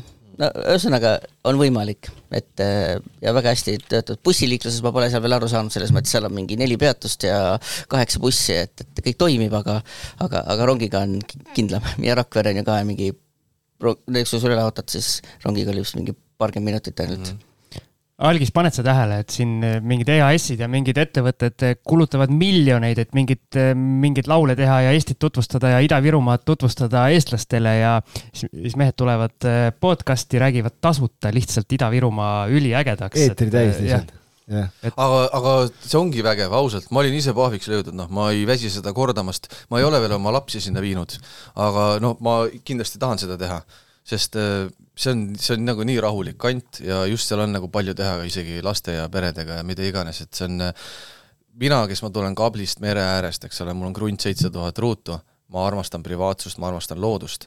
ja, ja kui ma olen seal, siis mul on suht samasugune tunne. et kui sa lähed õhtul kell seitse või kell kaheksa Kiviõlis välja, sa ei, sa ei näe hingelistki praktiliselt ja, ja see on nagu nii, nii mõnus. rahulik, vaip. jaa, sest seal on need par-, miks seal need pargid on, on see, et vanasti, kui seda hakati alles ehitama, seal olid ju barakid kõik töölistele ehitatud barakid. Ja üks hetk need barakid lammutati maha ja sinna jäid ilusad suured pargid ja, ja kui sa ei ole käinud Kiviõlis, mine vaata sinna, sa, sa, mina läksin esimest korda sinna, ma kukkusin perseli ja mõtlesin, vau, pärl. aga see tähendaski seda, et paar kuud ikka teda nagu muuseum, et noh, tule vaata. ja oligi see, sa moosisidki mind pikalt, sest ma mõtlesin, ma ei lähe kuskile idasse elus, mida ma teen seal, eks ole, mis seal on huvitavat, mitte kui midagi. aga, aga ma eksisin. küll mul esimesed ööd olid üldse laud põranda peal, ehm, täis puuta madratsi peal ja see oli palju parem magada kuskil Pärnus onju, et vaib on palju parem seal ausalt nagu aga mis te, mis te Narvast arvate ja sealsest kohalikust sellest kuurordit Narva, kuurordist Narva-Jõesuust, et eh, Narva ju Eesti mõistes ikkagi ülisuur linn, aga ka omaette ütleme niimoodi, et ühegi naisega ma seal juttu rääkima ei hakka, sest ma kardan, et ma jääks haigeks, eks ole, kohe. see on, see on minu aus arvamus, mis ma arvan Narvast. ja see poleks, ja see poleks köha, eks? ei, see ei oleks. lumiorava veekurk see on nohu, aga mujal. aga, aga mina käisin Narvas ühe korra lapsena ekskursioonil rohkem ei ole sinna sattunud, aga väga tahan minna. sest ma ütlen ausalt, Narvas on ka tegelikult väga ilusaid kohti. Äh, mingi hetk avanes mul võimalus, et mu raamatutest ja elust tehakse film ja siis ma pidin hakkama lokatsioone valima. ja, ja Narva ja Sillamäe, need on kõik mul nagu silma jäänud. aga järjekordselt ma ütlen, ma arvan, et eestlased on lihtsalt ära hirmutatud, sest kui mina olin väike poiss, ma olen täna kolmkümmend seitse, no ütleme niimoodi, et üheksakümnendate lõpus ja kaks tuhat algus isegi räägiti kogu aeg, et seal on narkomaanid ja mis iganes, kõik see ma ei usu, et seda seal täna on. nüüd, mis puudutab Narva Jõesuud, ma arvan, et siin on nii palju venelaste raha kokku pumbatud, seal on ju nii kallis kinnisvara täna. ma arvan, et see kõik toimib seal väga hästi ja ongi võib-olla kuurortina kihvtim kui näiteks Pärnu eks ole, mina, ma elan Pärnus, aga ma Pärnust väga palju ei arva, eks ole, täna. sama. vot, et äh, näed jälle kohalikud ise koha peal ei hinda. ei näe seda, mida teised näevad. käisin, jube mõnus, jube mõnus. aga vot mulle näiteks see, mulle ei meeldi isegi see, et kui ma olen äh, maapoes ja siis on mingid tulevad mingid turistid seal plätud jalas. algist tuleb. Plätud no, jalas. Ja, ja, ja ostab siis kõik mu jäätised ära, eks ole, kõik sahjakesed, mis ma tahtsin lapsele osta. Ja siis ma pean seisma nagu tropp ka seal järjekorras veel, sest seal on veel kümme algist reas, eks ole. Et see on see, miks mulle ei meeldi suvel ei Pärnu ega kuskil maal olla, et see on nagu raske, aga väga tore, et teistele meeldib, ega tulge ikka. Et nii palju, kui me just idas oleme ringi sõitnud, siis ongi, on, meil on, täna on meil see Kiviõli, mida me siin promome, on ju, ja kus me oleme, no Sillamäel oli paar head tänavat, kus võiks tegelikkuses mõelda, no seal on ka mõned majad, on ju, et et kui sa peatänav ja promenad välja jätta, siis, siis ta on hullem kui Kohtla-Järve tegelikult, minu jaoks mm. ja, ja et tänu sellele promenaadile nad ongi vist elust. et üks asi veel, mis räägib nagu noh, Kiviõlis on ju tegelikult see Tuhamäed, Tuhamägi, mul sõber üks ütleb, et see on kõige parem nõlv laskumiseks see on hea pikk sirge, nelisada meetrit. Aidu veespordikeskus, mida praegu ka arendatakse, Euroopa tasemel on see, eks ole, et äh, siis mingi Kiviõli seikluspark, ma ise ei ole sinna jõudnud, nüüd jälle üks sõber käis, mingi kuradi totaka kiivri oli endale pähe pannud seal ja sõitis mingi jalgrattaga ringi, aga ütles, et ülikõva, eks ole. kõva reklaam on ka taga neil. noh, et seal on tegelikult, mida teha ja kuhu minna ja, ja seal toimub väga palju, lihtsalt noh, ütleme niimoodi, et võib-olla meie täna teemegi kõvemat promo Kiviõlile, kui vald ise teinud on. aga Toila? Vot väga kõva koht. mulle jälle, mulle jällegi sõber kogu aeg ütleb, see, seesama vanamees, kes mind veega saunas pritsis. iga kord, kui ta kutsub mind kurat, hakkan kahtlema raisk.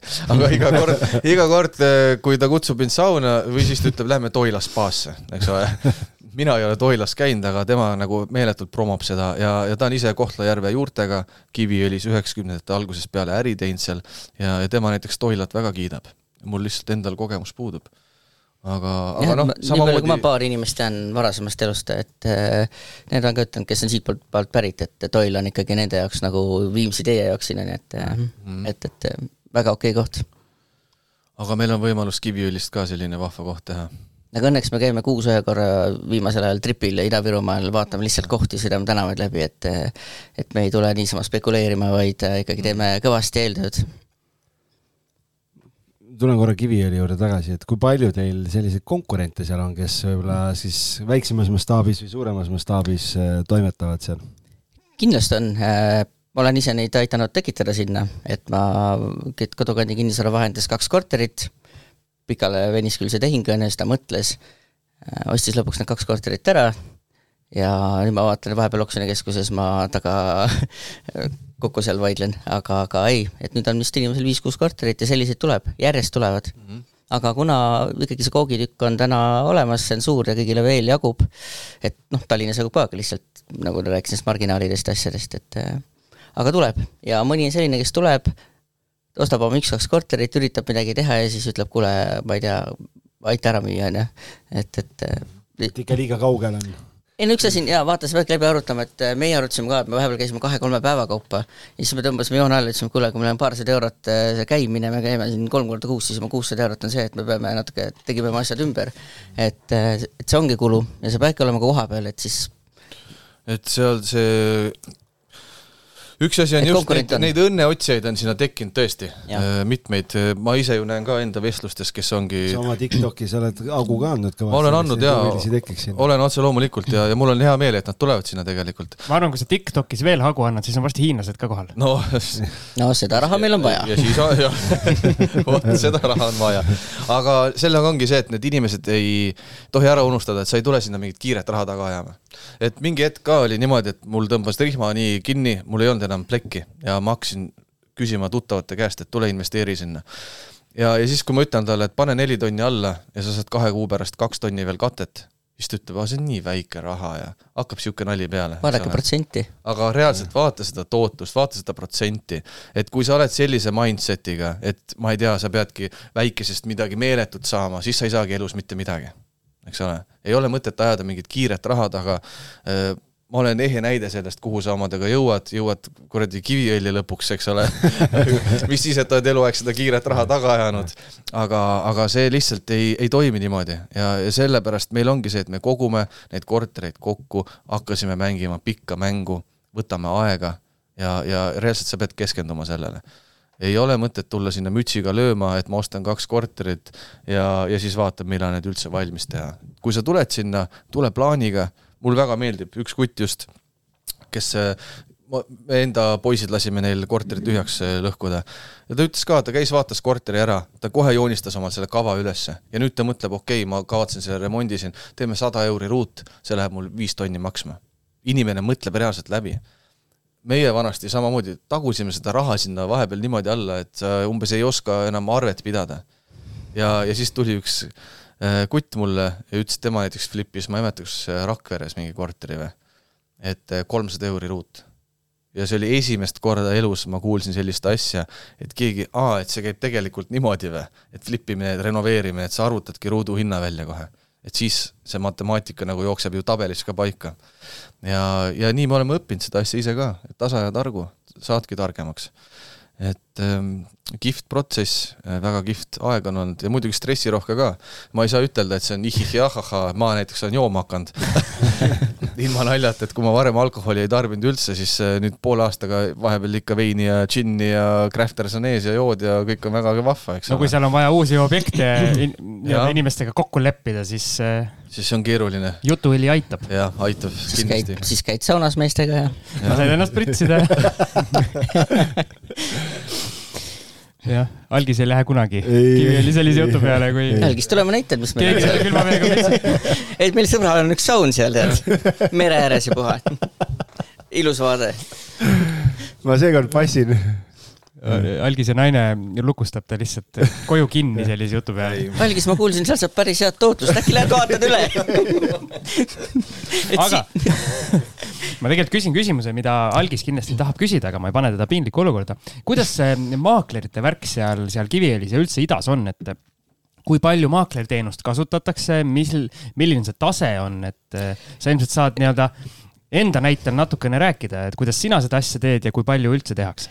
no seal on päris heal tasemel, meil on, ütleme näiteks põhikonkurent on ikkagi mul, keda mina pean konkurendiks, muidugi konkurente on seal palju, et see on vaba turg meil, aga on, on Imre Pindi kinnisvarast, kellel on seal, no tema oligi number üks seal kogu aeg, on ju, et ta ongi seal number üks idas, et kohalik parun või? ei, no ta lihtsalt, ta ma ei tea, kas nii öelda, aga ta, ta on lihtsalt, ma arvan, nii kaua seal olnud ja ta teeb oma tööd väga hästi, et kui mina alustasin seal siis esimeste korteritega, siis äh, ta tuli kohe, ütles, et tehke nii, nii, nii, et muidu sul ei ole üldse mingit lootustki siin midagi nagu teha, et et võtsin sõnu kuulda ja kahjuks olen täna küll konkurent või õnneks, aga aga noh, et me, me ei lähe teiste pärusmaale, et me oleme Kiviõlis suurem osa või noh, seal lähiümbruses, et kasutatakse maaklerteenust äh, vähe, oleme ausad, enamus käib käest kätte seal. äh,, Äh, tuttavalt tuttavale, aga ja, ja hinnaklass on samamoodi, et äh, noh, ei ole see, mis on mujal, et äh, kui üks mees siin ütles mingiks vahenduseks seal näiteks, ma toon näite, ma ei ütle õigeid numbreid, kas poolteist tuhat on ju, siis mina ütlen seal kolm korda väiksema numbri, sellepärast et noh, sa ei saa klienti esiteks muidu ja teiseks neil, neil ei ole seda raha seal tõesti maksta sulle. ja kui see korteri hind on viis või seitse tuhat, siis juba näiteks ja. see kuulutus KV-s on mingi päris, päris kõrge protsent sellest eh, nii-öelda korteri hinnast mm, eks. just. et ega see on, see on üks asi, et noh, mina müüjana suhtub maaklerisse nagu vargasse, eks ole, et ta on minu, minu, algist tuleb minu rahakotti raisk, eks ole. nii suhtuvad enamus ja kujutad sa ette, kui sul ei ole palju raha ja siis mingi vend ütleb, et ta nüüd poolteist tonni tahab selle eest saada ja müübki ära mu korteri, vot siis on ikka paha tunne küll. sellepärast Raivo teeb väga õigesti, et sellepärast ta mulle maksabki. sellepärast, aga see on õige, ma pigem maksan kolm sotti või viis sotti, eks ole, inimesele ja ma näen, et ta teeb reaalselt tööd, eks ole mis siis, et ta saab väiksema, aga, aga see on nii, nagu kunagi oli see klikk või kes iganes tuli, et sa hakkad lihtsalt käibe pealt teenima. kui sa poole aastaga teed kolmkümmend tehingut Kiviõlis, see on ülikõva, nagu ausalt, see on nagu kõva. ja, ja see on lihtsalt see, et äh, sa pead vaeva nägema ja tõmba see hind alla. ja siis, siis see toimib seal. jah, ma vaatasin statistikat, et äh, ma olen aidanud ruudu hinda kaks-kolm kuud juba alla tõmmata statistiliselt, aga kümme korda on tõusnud reaalsed hinnad et kuidas see siis parlanksis on, aga nii see on seal, jah.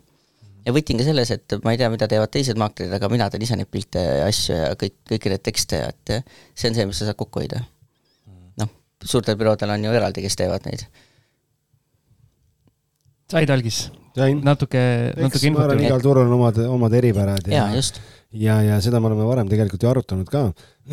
et kui sul on noh, ja, ja siin tuleb ka see vahe mängu, et et kui sul on suur büroo, seal maaklerile läheb pool ära, kui sul on enda büroo, siis sul jääb kõik endale, noh, et sealt tuleb ka need käärid sisse, et sa ei saa. laul on ka, et hoian kõik endale. sa ei saagi võib-olla nagu, kui ta küsiks äh, viissada, siis ta läheb sealt pool büroole ära ja pool endale ja võtad kütused, asjad maha, siis ta teeks tasuta tööd, et noh. ja enamus büroodel on ju ka meil, riik tahab kõigepealt oma, oma osa kakskümmend protsenti ära võtta ja sellest äh, poolest veel, et noh sina vana maksupettur, kurat, ja. jaa, just, just.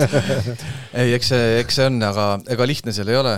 aga üks asi veel, mis meile näiteks eh, on nagu väga koitnud seal, et seal ei ole mõtet ainult eh, kinnisvara teha, vaid seal tulebki suuremalt panustada nagu üldse sellesse piirkonda, nendesse inimestesse, äridesse. mina näiteks käin seal õhtuti, mõnikord oled väsinud ja mõtled, et vähe ma ei tahaks praegu pitsat või midagi, eks ole, seal ei ole mingeid kulleriteenuseid, Bolte, Bolte, mitte midagi seal ei ole. aga paned need oma kohalikud, kes teil olid, Ljohad need või?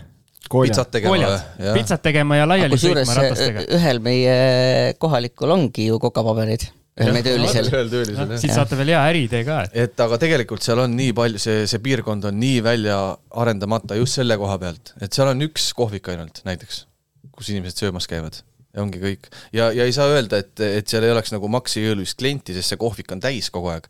ja, ja kui sul elab seal neli tuhat kaheksasada inimest, küll sa leiad ka need inimesed, kes siis, ma ei tea, pitsat sööksid või, või kasutaksid neid teenuseid, eks ole. et äh, seal on potentsiaali areneda ja plahvatada, see, see on nagu meeletu, see on kõva koht, ausalt no,, see on, see on Bitcoin. seal on ju neli suurt ketipoodi, kolm väikest poodi, lillepood ja, ja veel City Alko, äh, no ja. kõvasti on seal nagu neid ja, poode. Nad kuulsid, et sa oled nüüd seal joomas, et City Alko tuleb kohale see toob koju ära või? ei no teete selle kullerfirma nimega Colt teete siis nagu kõrvale. õnneks City Alko, õnneks City Alkoga pole probleemi, et meil on korter täpselt City Alko peal, et pole kaugele minna ma arvan, see on kõige magusam korter seal üürnike, üürnike mõistes. see on jah. selle korter, selle korteri vist oli nii, et me ostsime selle ära ja siis omanik ütles Tomile, et kuule, ma võin selle tagasi osta. jah, not gonna happen, et see on nagu hea korter jah mis stiil mi,, mi, mis stiili variant see on, et müüd maha ja võin tagasi osta? hakkas kurb, ma arvan, inimesel, et ta tulistas jalga ainult selle tehingu. sai aru, mis plaan on ja siis ja. sai aru, et tegi valesti vist okay. aga ei saa ju midagi tagasi müüa, et. ei saa, ei saa. kui oled ära võtnud, siis tagasi ei anna, nii see lihtsalt on aga lähme nende super lõpuküsimuste juurde, sest meil on tegelikult veel plaanis meestega boonusosa ka teha ja sai lubatud, et võtame siis sellise hüpoteetilise ühe Kiviõli korteritehingu ja räägime lahti punkt punkti haaval, kuidas, kuidas see duo seal paugutab, et mis, mis järjekorras mida tehakse, kes abis on ja nii edasi. on mul mhm. õigus? on täitsa õigus, jaa. väga hea. aga Algis, lõpuküsimused no me oleme nendest õppetundidest tegelikult päris palju rääkinud juba siin, aga meil üks lõpuküsimustest on jah alati see, et kui te nüüd oma selle, selle see, seikluse seal kokku võtaks, et, et mis need peamised õppetunnid on, mis siis selle kuue kuu jooksul nüüd nii-öelda kokkuvõtvalt välja tuua saaks? oi, eks neid on päris palju, aga üks asi on kindlasti see, et tähtajad kunagi ei pea. see, see plaan, mis sul on enda peas, kui kiiresti miski valmis saab see, see ei vasta tegelikkusele, võib-olla see on minu probleem, eks ole, aga, aga see on üks asi, mis ma olen näinud, et alati varu rohkem aega. su korter ei saa kuu ajaga valmis. vahet pole, kas sa arvad, et saab või mitte, varu rohkem aega. see on üks asi. teiseks kindlasti suhtlemine, see network imine, see on nii oluline, eriti sellistes piirkondades, eriti kui sa oled ise võõras. ole mees ja räägi kohalikega, kas või poes, alusta vestlust, eks ole, sest meid on see nii palju aidanud, ma, ma ju näen mm. ise seda, kui või, või suhtle internetis, kui sa päriselt ei julge otse rääkida. Äh, veel, ära karda küsida abi, äh, täpselt nagu ma rääkisin, see Kiviõli kaubahoovist, eks ole, et ma läksin, küsisin krediiti sinna äh, ja see toimis, sest küsija suu pihta ei lööda, eks ole.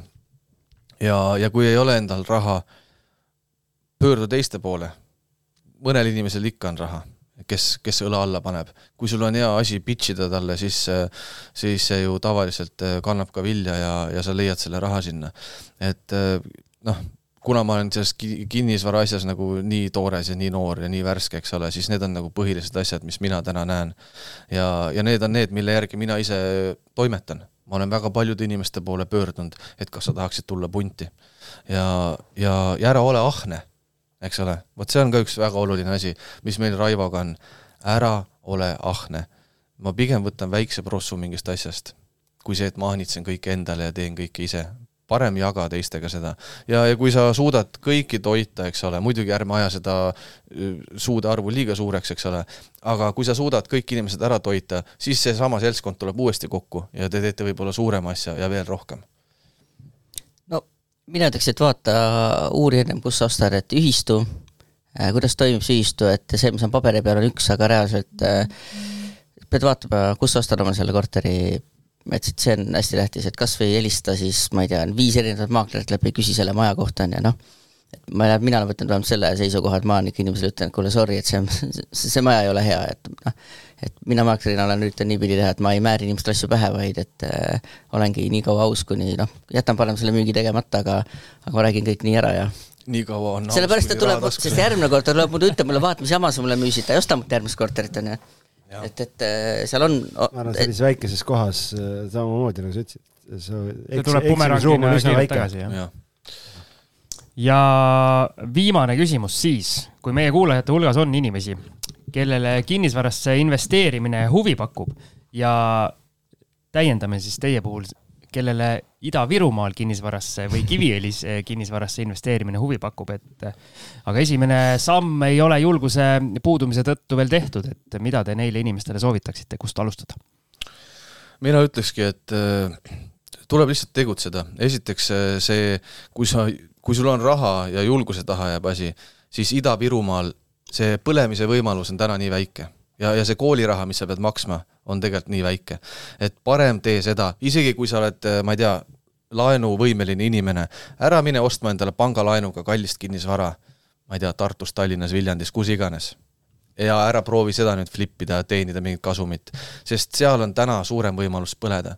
parem võta see väike raha, mine idasse, kus sa väikese rahaga saad proovida, katsetada, ennast nii-öelda sisse töötada. et äh, täna ma ütlen ausalt, kui pank annaks mulle pool miljonit eurot, et kasuta seda, kuidas tahad, ma ei lähe endale Tartusse või Pärnusse korterit ostma. ma ikka olen idas ja, ja, ja see on see ja tuleb tegutseda, ükskõik mida sa elus teed, ma näen enda pealt, vahet pole, kas sa arvad, sa saad sellega hakkama või mitte, lihtsalt hakka peale. Neid plaanitegijaid, paberile kritseldajaid ja mõtlejaid on liiga palju. Pole ükski neist veel edukaks saanud, vot. kuldsed sõnad Raivo, tahad sa midagi lisada või? oled kõigega nõus?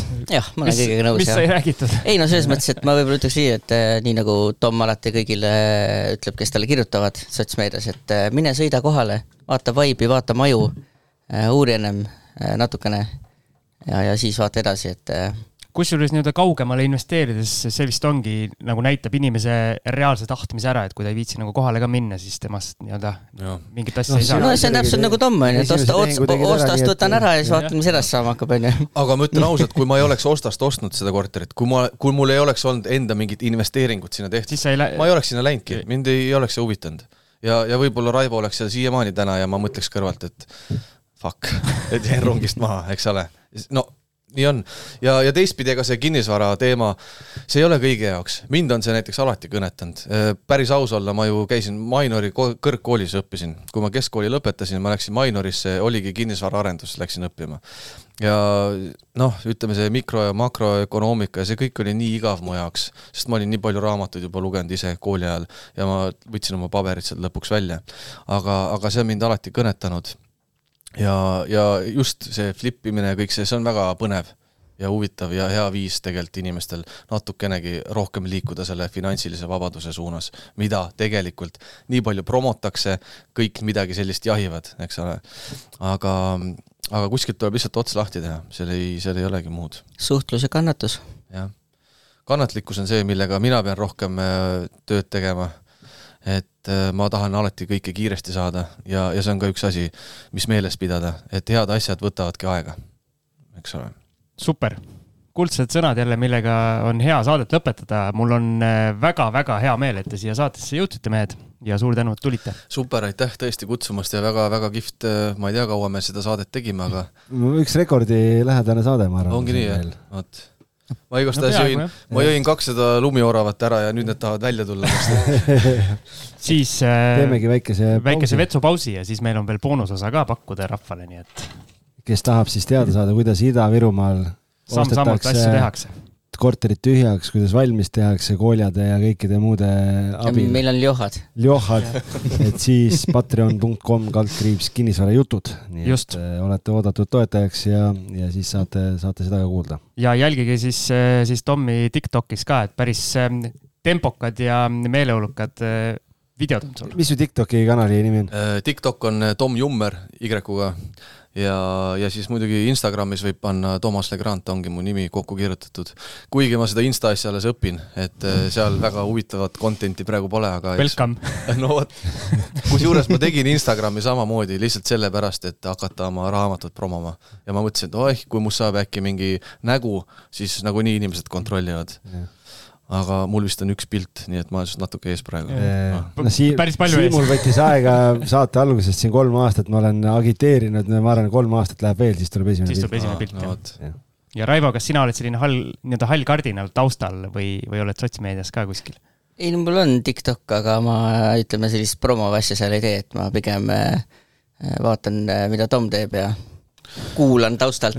Raivol on hea, siis selja taga nii-öelda tõmbad niiti ja siis, kui midagi kehvasti läheb, siis patsutab õlale, et pole hullu, järgmine kord teeme paremini see on hea, kui on selline. sina võtad nii-öelda kogu kuuma enda peale. ja mina võtan, mul seda paksu nahka on ja nii et pole hullu, ma olen tulest ja veest läbi käinud, et. selge, super, aitäh Algis sulle ka ja kohtume siis järgmistes osades, tšau. tšau.